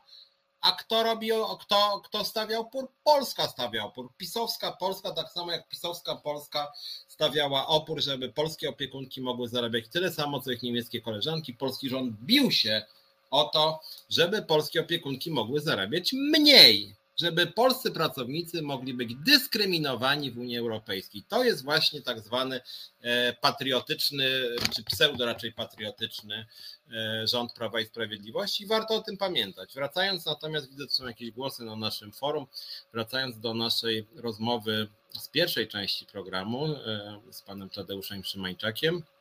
Waldek pisze, czy pamiętamy zbiorniki zaporowe, które powstały w Polsce. E, wysiedlono całe wsie i zalano wodą. Teraz cieszymy się z nich i doceniamy ich zasadność. Są inwestycje, które muszą powstać i koniec. Mm, Okej, okay, tak, ale pamiętaj Waldku, że ja nie jestem takim przeciwnikiem jakichkolwiek inwestycji i co więcej, zdarzają się takie inwestycje, które wymagają przesiedleń, tylko tutaj nie o tym mowa. Mowa jest o trybie podejmowania decyzji przy CPK-u, o tym, na ile to jest y, zgodne z jakimiś elementarnymi procedurami dotyczącymi nawet informacji publicznej. E, czemu to w ogóle ma służyć? Po co to w ogóle jest, biorąc pod uwagę fakt, że ruch lotniczy jest w kryzysie cały czas i pod e, i najpierw mieliśmy epidemię koronawirusa, gdzie liczba lotów zmalała około 60% i na przykład wiele firm wiele firm e, przeniosły się do, że tak powiem, internetu, czyli zaczęło pracować zdalnie, w związku z tym spadła liczba takich lotów, których było bardzo dużo, lotów służbowych, na przykład Warszawy do Brukseli czy do E, Londynu, gdzie biznesmeni latali na przykład na kilka godzin, żeby mieć spotkanie służbowe. Teraz to już są spotkania wirtualne. W związku z tym ten ruch lotniczy jest po prostu mniejszy. Więc pytanie, czy warto wydawać e, setki miliardów złotych e, i jednocześnie właśnie wysiedlając wielu mieszkańców, niszcząc tu ekologiczne czynniki. E, również e, tam nawet niszczy się jakieś domy pomocy społecznej e, czy domy kultury, czy to jest po prostu dobra inwestycja przekonująca, więc raz czy to jest dobra inwestycja, a dwa czy ona jest dobrze wdrażana? I tutaj i Tadeusz Szymańczak ja mam bardzo poważne wątpliwości, ja Waldku również napisałem mnóstwo właśnie o czym wspominałem zapytań w ramach informacji publicznej, na razie odpowiedzi nie mam, zbiorę te odpowiedzi do któregoś tutaj tygodnia w tym programie, bardzo chętnie się nimi podzielę, na razie to, co mi odpowiedziało ministerstwo jest głęboko mętne, tak naprawdę ministerstwo ucieka od odpowiedzi e, i ten projekt jest głęboko nietransparentny, co potwierdza kontrola Najwyższej Izby Kontroli. Ten projekt nie dość, że się nie spina, jest radykalnie spóźniony, wiele jego elementów jest e, przestrzelonych. No i biorąc pod uwagę sytuację międzynarodową też i radykalny wzrost cen energii, która prawdopodobnie jednak te ceny energii będą skakać i, i będą jednak dużą część czasu wyższe niż przeciętnie, będą ponadprzeciętnie wysokie, to nie wiem, czy jest rzeczywiście dobrym pomysłem, żeby akurat teraz, w tej trudnej sytuacji, dramatycznej sytuacji, wydawać jakieś dziesiątki czy setki miliardów złotych na e, centralny port komunikacyjny. Osobiście uważam, że nie. Tym bardziej, że właśnie mamy Modlin, że mamy Okęcie, który cały czas, szczególnie Modlin, możemy rozbudowywać, możemy udoskonalać. Ten duoport może, moim zdaniem, a trochę się tą problematyką zajmuje, może zaspokoić właśnie potrzeby e, e, Warszawy i okolic odnośnie transportu e, lotniczego, więc to jest argumenty mamy merytoryczne, a nie, że ja po prostu jestem przeciwny jakimkolwiek inwestycjom. Ja jestem zwolennikiem wielkich inwestycji, zresztą Waldku pamiętaj o tym, że w ostatnich e, latach zarządów Prawa i Sprawiedliwości jest niespotykany krach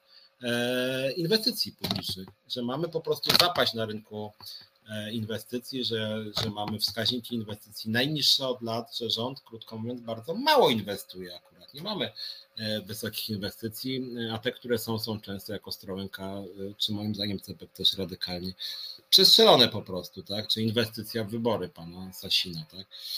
Eee, więc myślę, że to jest też istotne i warto o tym e, pamiętać. Eee, tutaj czytam Wasze komentarze. Opiekunki to kobiety, home recording, wiadomo gdzie pisma kobiety. Ja też uważam, że jest to najbardziej antykobiecy rząd od 80 2009 roku. No dobra, to wracając do tego, co chciałem w tej części powiedzieć, słuchajcie, bo pytaliście się mnie o ZUS, więc o ZUSie dawno nie było, być może za tydzień czy dwa pogadam z Iloną Garczyńską. Natomiast jedna jest nowa sprawa z Zakładem Ubezpieczeń Społecznych. Nowa sprawa i nowa patologia, zresztą jest to sprawa pośrednio tylko z ZUS-em związana, bo nie o ZUS tutaj chodzi. Jeszcze Tomasz Szyndralewicz o CPK-u pisze, CPK projektowano pod plan Chińczyków, tymczasem Imperium zwolniło obroty i zmienia plany. Marzyciele postanowili budujemy, a potem się zobaczy. E, no właśnie, tak średnio to wygląda. Natomiast Tomku, ja będę mówił o tym wszystkim być może za tydzień, dwa czy trzy, dlatego że tak jak mówię, postanowiłem się przyjrzeć tym spółkom, z którymi Prawo i Sprawiedliwość współpracuje przy budowie CPK-u. E, nie przez przypadek, moim zdaniem, wszystkie te firmy są na razie przynajmniej spoza Unii Europejskiej, a jedna z nich jest nawet z Libanu, nie chodzi mi o to, że ona jest z Libanu, ale między innymi, jak mówiłem, e, ta spółka projektowała stadion e, w Katarze na Mistrzostwa Świata. Wiemy, że tam się działy rzeczy dosyć straszne przy budowie tych stadionów i sama ta firma jest posądzona o e, korupcję w kilku krajach co najmniej świata, więc dziwne jest też, że polski rząd się z tego typu firmami dogaduje, zamiast dobrać sobie na przykład partnerów unijnych, więc znowuż PiS, można powiedzieć, no, daje jasny sygnał Unii Europejskiej, że e, nie jest zainteresowany z e, współpracą z, po prostu z partnerami unijnymi, co moim zdaniem jest bardzo dużym błędem. E, Waldek pisze, że nie rozważa zasadności CPK-u, chodzi o mechanizm realizacji tego typu projektów, musi być otwarta ścieżka do tego typu inwestycji. Ależ Waldku, ja nie przeczę konieczności dużych inwestycji, tylko mówię, inwestycja tym bardziej duża inwestycja musi być dobrze przygotowana, bo jak nie jest dobrze przygotowana, to mamy bardzo duże straty. Na razie CPEK nie powstaje, e, nie została wbita symboliczna tak zwana łopata pierwsza. Bardzo dużo już pieniędzy wydano właściwie nie wiadomo na co. E, prezes Kaczyński już podobno rozważa w ogóle wycofanie się z tego CPK-u po wydaniu kilkuset milionów złotych, więc mm, są obawy, że skończy jak z Ostrołęką, wydadzą, nie wiem, miliard, dwa czy dziesięć i później powiedzą, a może jednak nie. Gosza, czyli PiS każe Unię. Znaczy ja nie wiem, czy każe, oni są de facto od początku e, antyunijni swojej polityki, więc dobierają sobie partnerów e, z innych krajów, czy, czy życzenia złożone, pyta mnie Waldek, ale właściwie jakie życzenia jest z okazji jakiego święta jest 16 listopada, tak patrzę na komórkę. Hmm, chyba, że ktoś tutaj ma jakieś urodziny dzisiaj, jeżeli tak to wszystkiego najlepszego. Jak ty Waldku masz na przykład, to wszystkiego dobrego ci jeszcze natomiast wracając do e, dzisiaj Gertruda, Gertrudy, Gertrudy imieniny, rozumiem, myślałem, że urodziny. No pani Gertrudzie, ja jestem człowiek szczery, uczciwy, nie życzę dobrze pani Gertrudzie Uścińskiej, życzę jej serdecznie zwolnienia dyscyplinarnego z Zakładu Ubezpieczeń Społecznych i zniknięcia z życia publicznego, jest moim zdaniem osobą szkodliwą, która bardzo dużo złego robi dla, dla kraju, dla pracowników, mm, dla wizerunku ZUS-u, który ja bardzo cenię jako instytucję, generalnie jest szkodnikiem po prostu pani Gertruda Uścińska, więc życzę jej serdecznie, żeby zerwała współpracę z ZUS-em, albo lepiej, żeby ZUS zerwał współpracę z nią, a jeśli ZUS, no to oczywiście rząd musiałby ją zwolnić, więc życzę jej serdecznie, żeby przyszedł też taki rząd, który ją zwolni po prostu i najlepiej zwolni z jakimś tam biletem, który jej zablokuje powrót jakikolwiek. Natomiast wracając do pani Gertrudy właśnie, no to złożyłem złe życzenia, jak Władek pisze. E, e, więc chciałem powiedzieć, co, co, co dzisiaj, żeby nie było, że, że, że, że, że znowuż te procesy moje i Ilony Garczyńskiej, dzisiaj inna sprawa. Słuchajcie, e, rok temu zwróciliśmy się jako Związkowa Alternatywa, jako lider Związkowej Alternatywy, ale też jako dziennikarz do Zakładu Ubezpieczeń Społecznych o przeprowadzenie kontroli w polskich liniach lotniczych LOT i w telewizji polskiej. Hmm o co wtedy nam chodziło? To już było prawie półtora roku temu. Wtedy pisaliśmy do ZUS-u, żeby przeprowadził kontrolę w locie i w telewizji polskiej pod kątem e, nie tyle łamania prawa pracy, bo tym się ZUS akurat nie zajmuje, ale optymalizowania kosztów poprzez zamianę umów etatowych na umowy cywilnoprawne. Czyli krótko mówiąc, chodziło o to, że naszym zdaniem i moim zdaniem, jako lidera Związkowej Alternatywy, LOT i TVP łamie przepisy i w ten sposób optymalizuje wydatki, a ZUS na tym traci. Traci na tym no, Zakład Ubezpieczeń Społecznych, czyli to centrum też płacące renty i emerytury, e, ponieważ e, jak pewnie większość z Was wie, umowy cywilnoprawne są niżej oskładkowane e, niż umowy etatowe. W związku z tym zwróciliśmy się z takim wnioskiem do Zakładu Ubezpieczeń Społecznych, żeby przeprowadził właśnie kontrolę w locie i w TVP jest wiedzą powszechną i też w tym programie o tym wiele razy mówiłem, że obydwie te firmy na masową skalę zatrudniają w ramach umów cywilnoprawnych. PLLOT właściwie od wielu już lat, od siedmiu lat, cała tak zwana w cudzysłowie dobra zmiana rządy pana Rafała Milczarskiego, to jest zatrudnianie stewardess i kapitanów wyłącznie w ramach B2B, tak? czyli nie ma już etatów, jako jakby nowych się już przyjmuje nieetatowo. Jeżeli są etaty stewardess i pilotów w locie, to są tylko ci dawno zatrudnieni przed e, rządami pana Milczarskiego, który jest kolegą pana Kaczyńskiego i pana Morawieckiego. E, no i właśnie, napisaliśmy do ZUS, żeby taką kontrolę przeprowadził i żeby nas poinformował o wynikach tej kontroli. Tak na marginesie, część z Was być może się spotkało z tym. ZUS naprawdę potrafi być w swoich kontrolach, że tak powiem, ostry i konsekwentny. Jeżeli obywatel nie dopełni obowiązku zapłacenia składki, to ZUS potrafi ścignąć. Jeżeli ktoś, e, nie wiem, ma fikcyjne zwolnienie, to też ZUS oczywiście ściga. Tych kontroli jest bardzo dużo, coraz więcej. Jeżeli, e, jeżeli więc ktoś próbuje sobie optymalizować e, składki, ich po prostu nie płacić, czy płacić w niższym wymiarze, to ZUS potrafi nałożyć karę i potrafi tą składkę po prostu wydobyć.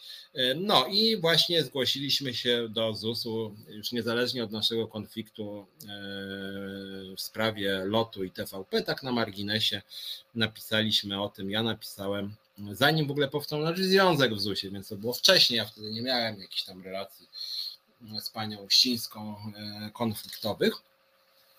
No i cóż, minął, minął półtora roku prawie, bo to było chyba w kwietniu, maju 2021, jak ja pisałem do pani, no właśnie nawet nie Gertrudy Ucińskiej, tylko jakiegoś tam działu kontroli. No i właśnie wczoraj dostałem odpowiedź na nasze wnioski o to, żeby właśnie skontrolować i ewentualnie ukarać e, LOT i, e, i TVP. I czytam Wam odpowiedź. Szanowny Panie, odpowiadając na Pana wystąpienie z dnia 30 września 2022, 30 września, ponieważ to były moje czwarte przypomnienie, pierwotny wniosek był e, właśnie z maja czy kwietnia 2021. No ale oni e, odpowiadają na moje pismo z 30 września, bo to jak mówię, było już chyba trzecie, czwarte chyba przypomnienie, dotyczące pozyskania informacji o kontrolach przeprowadzonych przez Zakład Ubezpieczeń Społecznych u płatników składek Telewizja Polska SA oraz Polskie Linie Lotnicze LOT SA. Uprzejmie wyjaśniamy, że informacje w tym zakresie nie mogą zostać panu udostępnione. Informacje, o które Pan wnioskuje, nie stanowią informacji publicznej, nie stanowią informacji publicznej zdaniem Pani Gertrudy i nie podlegają udostępnieniu w trybie ustawy o dostępie do informacji publicznej. Żądane przez Pana informacje o działaniach podejmowanych przez zakład dotyczą indywidualnych spraw konkretnych płatników składek. Indywidualnych spraw konkretnych płatników składek. Informacje takie gromadzone są na prowadzonych przez ZUS kontach płatników składek oraz kontach ubezpieczeniowych. Dostęp do danych zgromadzonych na tych kontach jest ustawowo ograniczony. Katalog podmiotów uprawnionych e, jest katalogiem zamkniętym e, i e, później tam nam tłumaczą, że to można tylko prokuraturze dawać tego typu instytucjom. Podpisano Departament Kontroli Płatników Składek.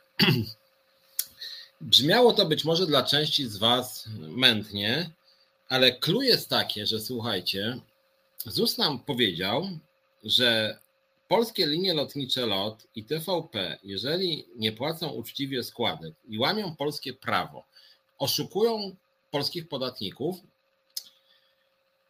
to jest ich, to jest sprawa indywidualna. To jest sprawa taka jak pana Janusza Malinowskiego, albo Jerzego Biercikowskiego i oni nie będą o tym informować. I to jest, słuchajcie, dla mnie rzecz, ja wiem, że to może brzmieć dla Was abstrakcyjnie, ale to jest dla mnie rzecz szokująca. Dlatego, że, ale tu już Ben Kruczek, przemilczmy tę Gertrudę, tu nie o Gertrudę chodzi, tylko o polskie państwo, bo to nie chodzi o Gertrudę, tylko chodzi o jakiś zamknięty układ. Myśmy spytali o to, czy LOT i TVP łamią prawo czy łamią prawo i czy przypadkiem nie oszukują ZUS-u. To było pytanie, czy oni nie oszukują ZUS-u, czy nie unikają płacenia składek na masową skalę, tak? E, więc jakby to jest sprawa publiczna. E, e, no i co? I uzyskaliśmy odpowiedź po półtora roku, półtora roku minęło, że to jest indywidualna sprawa, czy oni łamią prawo, czy nie. Przecież ja nie pytałem zwróćcie uwagę, Ja mógłbym wam te listy, jak też znajdziecie na stronie Związkowej Alternatywy. Ostatnio wrzuciliśmy też tą historię tej naszej korespondencji, nasze pisma. Myśmy nie prosili o to, żeby nam ZUS napisał, jak jest zatrudniona pani Cholecka, na przykład, albo pan Milczarski, czy kto tam jeszcze w locie i e, w TVP pracuje, pan Ziemiec. Tylko myśmy spytali, czy przypadkiem te firmy nie łamią prawa, dając jakby lewe umowy, znaczy niezgodne z prawem umowy. Więc tu nie chodziło o żadne naruszenie RODO, jakieś indywidualne sprawy konkretnych pracowników, tylko tu chodziło o to, czy spółki Skarbu Państwa finansowane przez państwo, pamiętacie sami, TVP 2 miliardy złotych dostało od państwa, a LOT, co my pytamy już o to, y, już chyba ze cztery razy pytaliśmy, oczywiście bez skutku w ramach informacji publicznej, LOT dostał od Polskiego Funduszu Rozwoju, czyli polskiego państwa, 3 miliardy złotych pomocy. 3 miliardy złotych pomocy w ramach tarczy antykryzysowych, tak zwanych. 3 miliardy dostała jedna firma, czyli LOT. W związku z tym jedni 3 miliardy dostali jednorazowo, drudzy 2 miliardy rocznie dostają TVP. W związku z tym są to firmy finansowane publicznie. Ale w związku z tym, jeżeli są finansowane publicznie, to z ustawy wynika, że tam, gdzie jest finansowanie publiczne, to obowiązuje informacja publiczna, czyli jest obowiązek upubliczniania. Ale my nie pytamy teraz ani TVP, ani lotu. My pytamy ZUS, czy z kontroli, którą deklarowali nam, że przeprowadzą, wynika, że te dwie firmy, spółki Skarbu Państwa finansowane przez państwo w olbrzymiej części, łamią prawo czy nie łamią. I oni powiedzieli, że to jest w ogóle nie nasza sprawa, nie? Czyli krótko mówiąc, jeżeli by na przykład wyszło, że jakiś urzędnik państwowy jest kryminalistą, na przykład wyszłoby tak, i my byśmy zapytali, nie wiem, prokuratury, czy minister jakiś tam został skazany, albo czy, czy wyszło, że, że łamie prawa, to pewnie nie powiem, nie? tak jakby Banaś. Banaś by zrobił kontrolę, e, dajmy na to, nie wiem, jakiejś tam instytucji państwowej, byśmy dali, panie Banaś, no masz pan, e, zrobiłeś pan kontrolę, za którą dostałeś pieniądze zgodnie z ustawą. Co wyszło w kontroli? Czy ktoś złamał prawo? A Banaś powiedział, wie pan co, panie Piotrze, może taka, może nie, ale ja panu nie powiem, bo to jest indywidualna sprawa i mi się nie chce panu podawać. I to jest po prostu, słuchajcie, ja wam mówię o tej historii, dlatego że moim zdaniem to jest jednak szokujące, że polskie państwo no kpiny sobie urządza, no. Znaczy ZUS sobie kpiny urządza, ale ZUS, czyli polskie państwo, no przecież to jest szokujące, że kurczę Uścińska na, na bezczela jedzie całkowitego, że mówię, dwie spółki Skarbu Państwa strategiczne, LOT jest bezpośrednio, o ile pamiętam, pod kontrolą pana premiera Morawieckiego. TVP chyba formalnie jest pod panem ministrem, wicepremierem Glińskim. I o, obydwie dostają full kasę od państwa, i pani Uścińska nam mówi, że to, czy oni przestrzegają prawa, to jest no de facto ich sprawa. Niezłe, co? Więc y, no takie to właśnie, tak jak Małgorzata pisze religia, płaszcza nie ma już, co pan mi zrobisz. No właśnie, to jest, jak ja później słyszę, że, że, że, że, że niby ten PiS to no ma swoje wady, ale tam walczy z patologiami. No właśnie wręcz przeciwnie, on te patologie nagłaśnia przepraszam, nie nagłaśnia, on, on te patologie no nie nagłaśnia, tylko nimi żyje, tak?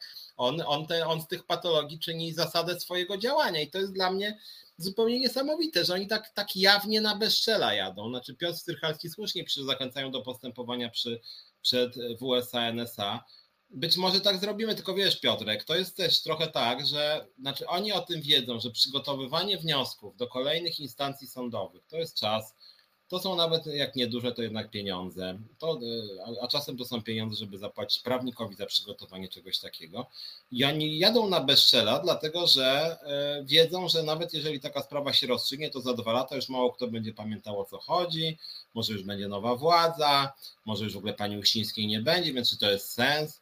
No to jest takie psucie państwa właśnie, kurczę, no takie wyjątkowo bezczelne, bo odpowiedzi na tego typu pytania no powinny być z automatu to jakby urzędnik niższego szczebla, który zajmuje się w ZUS-ie informacją publiczną, e, powinien po prostu pyk, generować tak, wyniki kontroli, TVP, wpisuje w system, wyskakuje, załącz, wysyłaj tam do związkowej alternatywy. To w ogóle bez żadnej dyskusji, a nie, że oni kombinują, kręcą, ściemniają, e, i po prostu akurat to jest wkurzające, że wobec przeciętnego, że tak powiem, Kowalskiego takich oporów oczywiście nie mają, tak? Że przeciętnego obywatela to potrafią przyszpilić, kontrolę zrobić bardzo szybko i koniec kropka, tak?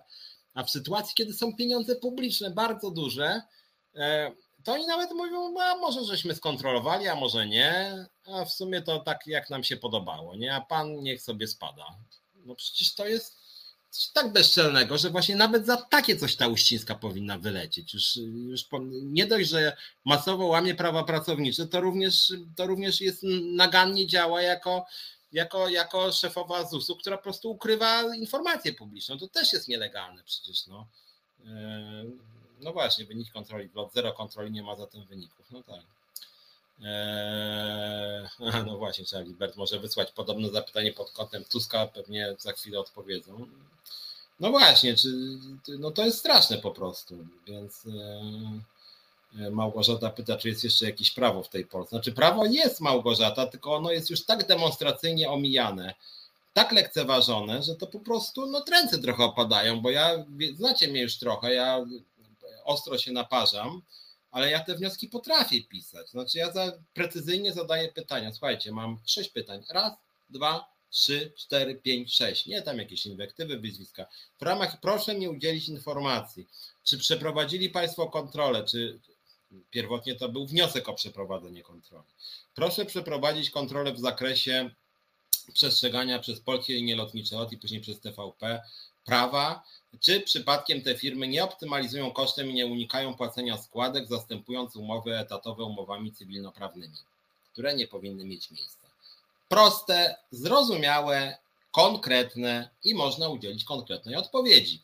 Na przykład, podpowiadam pani Uścińskiej, w wyniku kontroli stwierdzono, że na przykład 348 pracowników miało umowy cywilnoprawne, które powinny być etatami, w związku z tym ZUS postanowił zasądzić, że LOT czy TVP ma zapłacić 2 343 283 zł zaległych składek. Na przykład. Albo, ok, byłoby to moim zdaniem firmowanie bezprawia, ale przynajmniej jakaś odpowiedź. Nie stwierdziliśmy przypadków nielegalnych umów, ponieważ zgodnie z naszą wykładnią e, w PLLOT i w TVP mogły być umowy cywilnoprawne. Nawet coś takiego, byłby papier jakiś, tak? A tu nie ma po prostu nic, jadą na bezczelu i to jest e, i to jest po prostu szokujące. Nie ma publicznych pieniędzy, są pieniądze podatnika, nazywajmy to po imieniu. Znaczy Agata pisze, znaczy okej, okay, tylko że ja teraz mówię, e, bo ustawowo e, informacja publiczna, że tak powiem, ma miejsce wtedy, kiedy właśnie są pieniądze no, państwowe, tak? Czyli jeżeli państwo komuś daje, dotuje, tak jak TVP dotuje, czy LOT, e, miliardowymi pieniędzmi, no to wtedy jakby te spółki są objęte informacją publiczną, zresztą tak na marginesie, e, tak na marginesie niedawno Watchdog wygrał właśnie sprawę z lotem i wymusił od nich to, e, żeby podali ile zarabia zarząd lotu. I wyszło wtedy, że na przykład pan Rafał Milczarski w jednym roku zarobił 2 miliony 800 tysięcy, o ile pamiętam w roku 2017 cała sprawa trwała około 3 lat. Małgorzata Religa pisze, czy mam jeszcze nadzieję, że dostanę te odpowiedzi. Znaczy my jesteśmy, jak wiesz, czy wie pani, pani Małgorzato, jesteśmy bardzo bojowi e, i uparci, w związku z tym my będziemy ich po prostu męczyć. Napiszemy to w tej sprawie też do premiera, do ministra Glińskiego, bo to też oni nadzorują te spółki e, TVP i LOT, więc będziemy uparci. Eee, więc e, zobaczymy. Nie, nie ustąpimy tak łatwo. Eee, no tak, ale potem 30% obywateli myśli, że rząd ma własne pieniądze. Nie, no, czy, no ja wiem, że ludzie nie zawsze są mądrzy i elektorat PiSu czasem dziwne rzeczy wyznaje. E, wiadomo, że, że pieniądze władzy pochodzą od podatków, natomiast komu mówię w tym przypadku o finansowaniu, także finansowanie budżetowe, to wtedy można domagać się informacji właśnie w ramach informacji e, publicznej. Mm, co dalej? To jest jedna sprawa, która mnie przynajmniej zbulwersowała, o nią będziemy się bić. Druga sprawa, która mnie niezmiennie bulwersuje i właściwie co tydzień tutaj w programie Czas na Związki o tym mówię chyba, że mam dużo gości, to wtedy nie mam czasu o tym powiedzieć, ale zazwyczaj o tym mówię. Mianowicie, słuchajcie, rząd nic nie zmienia odnośnie planów dla budżetówki. E, rząd planuje wzrost płac w budżetówce w przyszłym roku o 7,8%. W tym roku niezmiennie mamy 4,4, 4,4, 4,4 wzrost płac w sferze budżetowej w 2020 roku, planowanym na 2023 7,8, 4,4, 7,8 a inflacja na ten rok około 15 i planowana na przyszły około 15.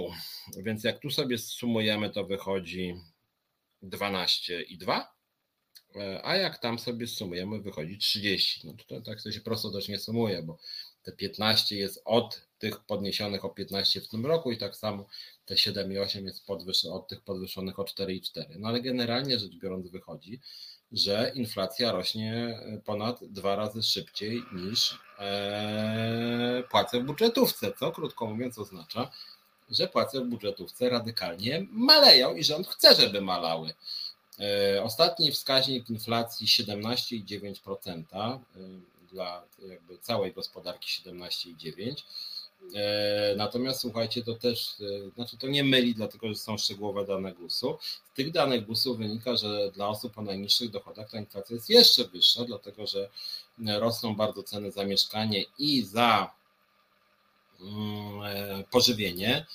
Więc w tym koszyku dla osób o niskich zarobkach i niskich dochodach poziom inflacji moim zdaniem można oszacować na E, na pewno ponad 20%, w granicach być może nawet 25%, e, więc e, realnie te płace dla osób nisko sytuowanych jakby spadają jeszcze szybciej. A w budżetówce rzeczywiście, no niestety pensje nie są za wysokie. Zresztą tak na marginesie zmniejsza się również szybko płaca minimalna. Niektórzy się zachwycają, jak to ten PiS niby podniósł płacę minimalną, a tymczasem w tym roku płaca minimalna wzrosła o zaledwie 7,5% w 2022.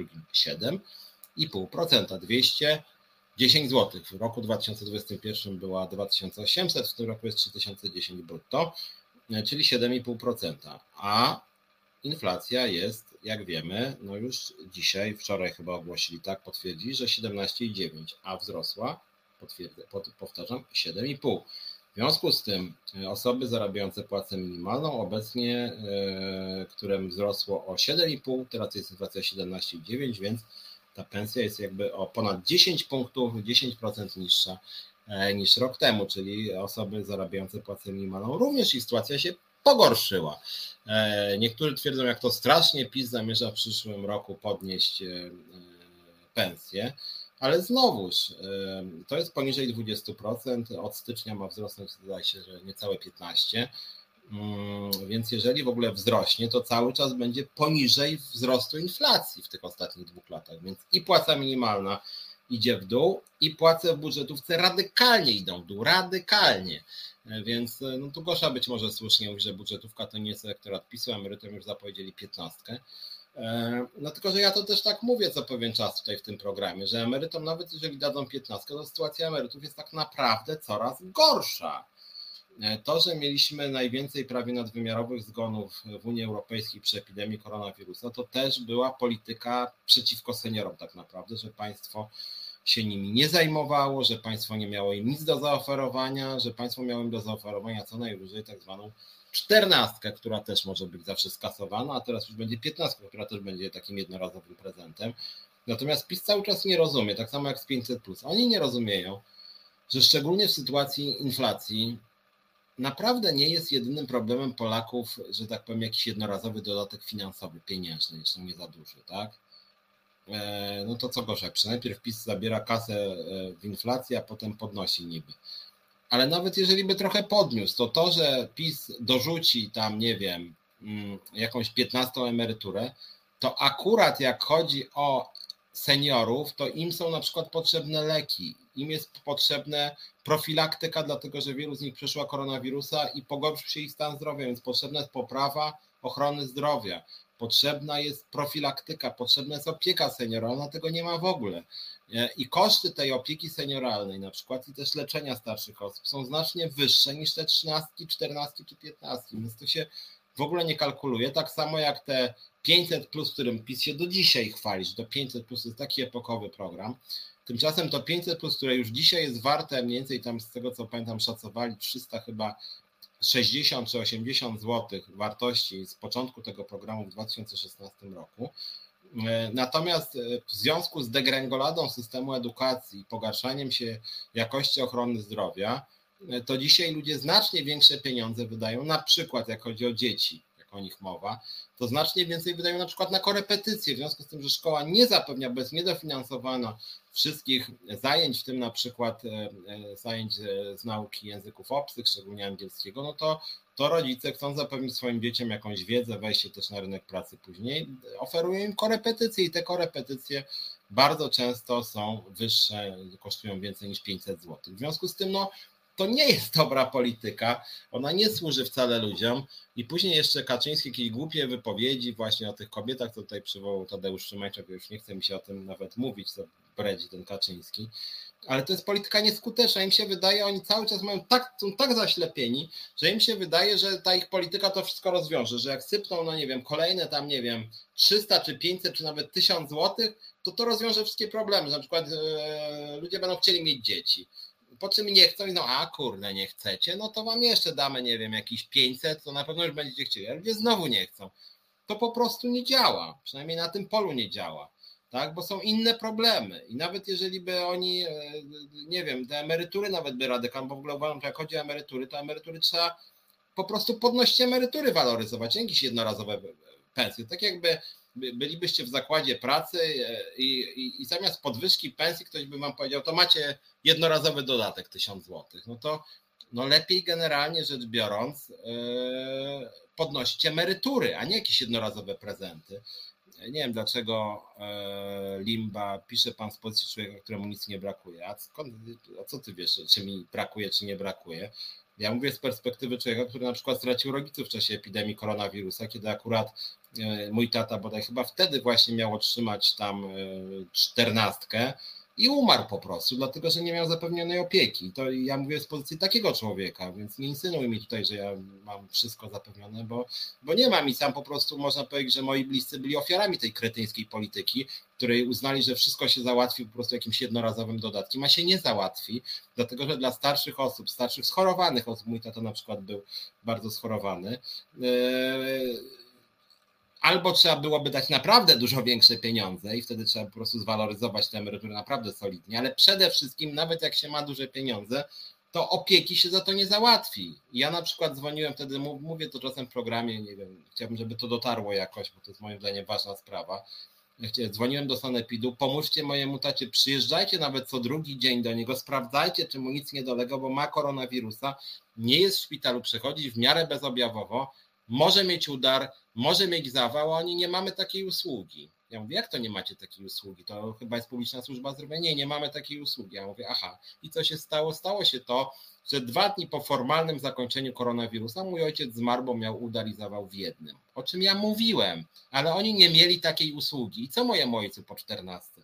Ja nie, ja nie, nie, nie, nie, nie marginalizuję kwestii kwestii pieniędzy, bo one są bardzo ważne. No sam bronię tego, że były wyższe, wyższe pensje dla pracowników budżetówki, tylko że w Polsce nie istnieją usługi publiczne i w momencie, kiedy PiS e, e, właściwie kasuje opiekę senioralną, niszczy ochronę zdrowia, niszczy szkolnictwo i później mówi, dobra, macie 500 złotych, E, no to ja bym to ja wtedy mówię, zaraz, jakie kurczę 500 zł? Zabraliście na ochronę zdrowia, przypominam 2020 rok, Polska jest jedynym krajem w Unii Europejskiej, gdzie w stosunku do PKB spadły wydatki na ochronę zdrowia. To była zbrodnia w ogóle, to była zbrodnia po prostu to, że oni marginalizowali ochronę zdrowia, I przez to między innymi zmarło w Polsce prawie najwięcej osób, e, e, najwięcej zgonów tych nadwymiarowych tak zwanych.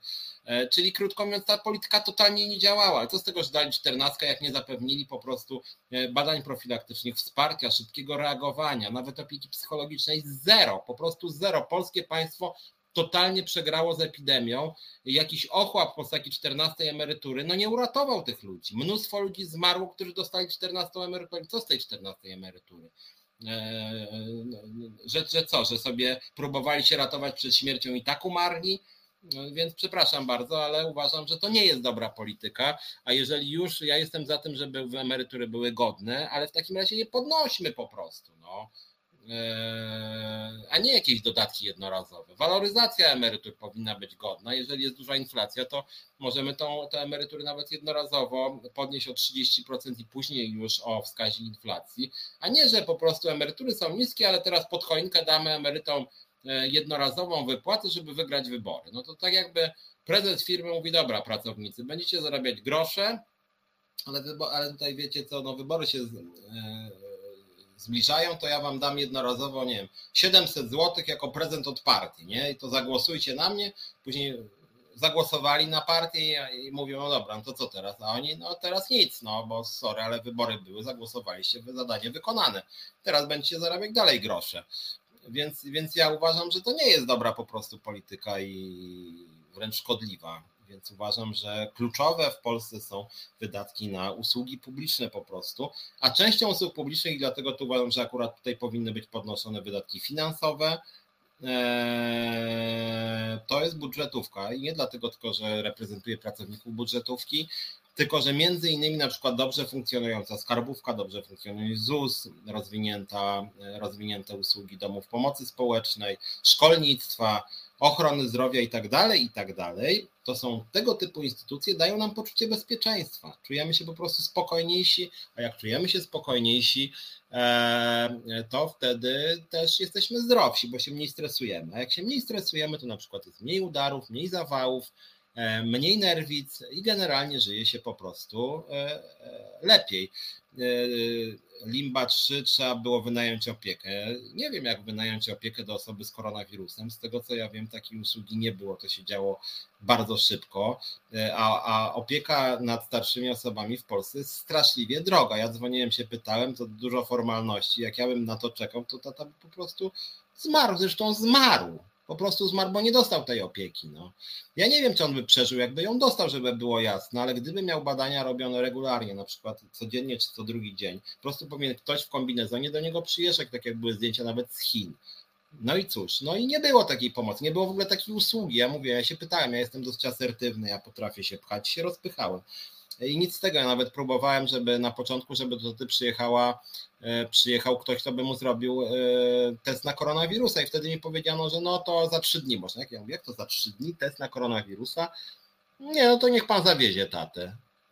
Ja mówię, aha, zawieźć człowieka z koronawirusem, ja nie mam prawa jazdy, w związku z tym rozumiem, że, że co, no, taksówka albo ktoś inny, kto miałby wtedy kontakt z moim tatą. No i to jest po prostu polskie państwo z patyków, no po prostu z patyków. Jeszcze to, co Tomasz pisze, niesprawne respiratory, jakieś tam e, trefne maseczki, no i to jest polskie państwo, no niestety i na do dzisiaj, do dzisiaj tego nawet nie, e, nie rozliczył.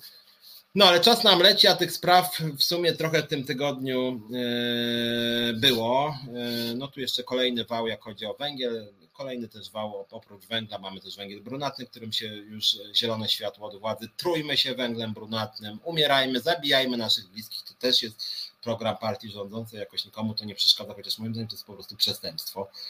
To jest mordowanie ludzi właściwie. To jest przyzwolenie na zabijanie ludzi, dopuszczenie właśnie węgla brunatnego do palenia e, prywatnie, więc jakoś też cisza o tym w ogóle.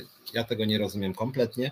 E, e, cóż, był taki raport ostatnio, że 25% zatrudnionych Polaków pracuje za darmo od 6 do 10 godzin tygodniowo. No więc taki bulwersujący przykład bezprawia na rynku pracy, że na godziny się nie płaci pieniędzy. My wnioskujemy od dłuższego czasu żeby wprowadzić tak zwane prawo do odłączenia się, e, czyli żeby w momencie, kiedy kończy się czas pracy na przykład od 8 do 16, to pracownik wyłącza komórkę, wyłącza komputer. Jeżeli ma mieć włączoną e, komórkę czy komputer służbowego maila, to powinien za to otrzymywać po prostu pieniądze. To powinny być opłacane godziny pracy jako nadgodziny i to powinno być wszystko w kodeksie pracy uregulowane. Katarzyna Orlik pisze, że państwo powinno się nami opiekować, a nie zostawić sami sobie zwłaszcza że to za nasze pieniądze, więc też mi się tak wydaje i szczególnie w sytuacjach tak dramatycznych jak epidemia koronawirusa czy wojna, wysoka inflacja, ta rola państwa powinna być tym większa. Ona jest tak naprawdę mniejsza, bo PiS można powiedzieć trochę sypnie kasą i to dla wybranych, mówię, a reszta to już jest nie nasza sprawa. W związku z tym no, uważam, że to jest smutne i bulwersujące. E, jest też dalszy ciąg sprawy sędziego Igora Tuleja. Podkreślam, że Igor Tuleja to sprawa pracownicza, to skandal, co pisowskie państwo wobec niego robi, ale takim samym skandalem jest to, co pisowskie państwo robi wobec Ilony Garczyńskiej. Tym się niestety większość mediów już tak bardzo nie interesuje. O tym może się dowiedzieć tylko z Resetu Obywatelskiego. Dobra, wiecie co, musimy w każdym bądź razie kończyć, bo już jest prawie za pięć, a ja tak za sześć, za pięć kończę, w związku z tym będę kończył. Tu była reklama mojego programu z Wojtko Krzyżaniakiem, więc w piątek Was oczywiście e, zapraszam na godzinę 21, a e, mój program za tydzień o godzinie 17, więc trzymajcie się, do zobaczenia, do usłyszenia.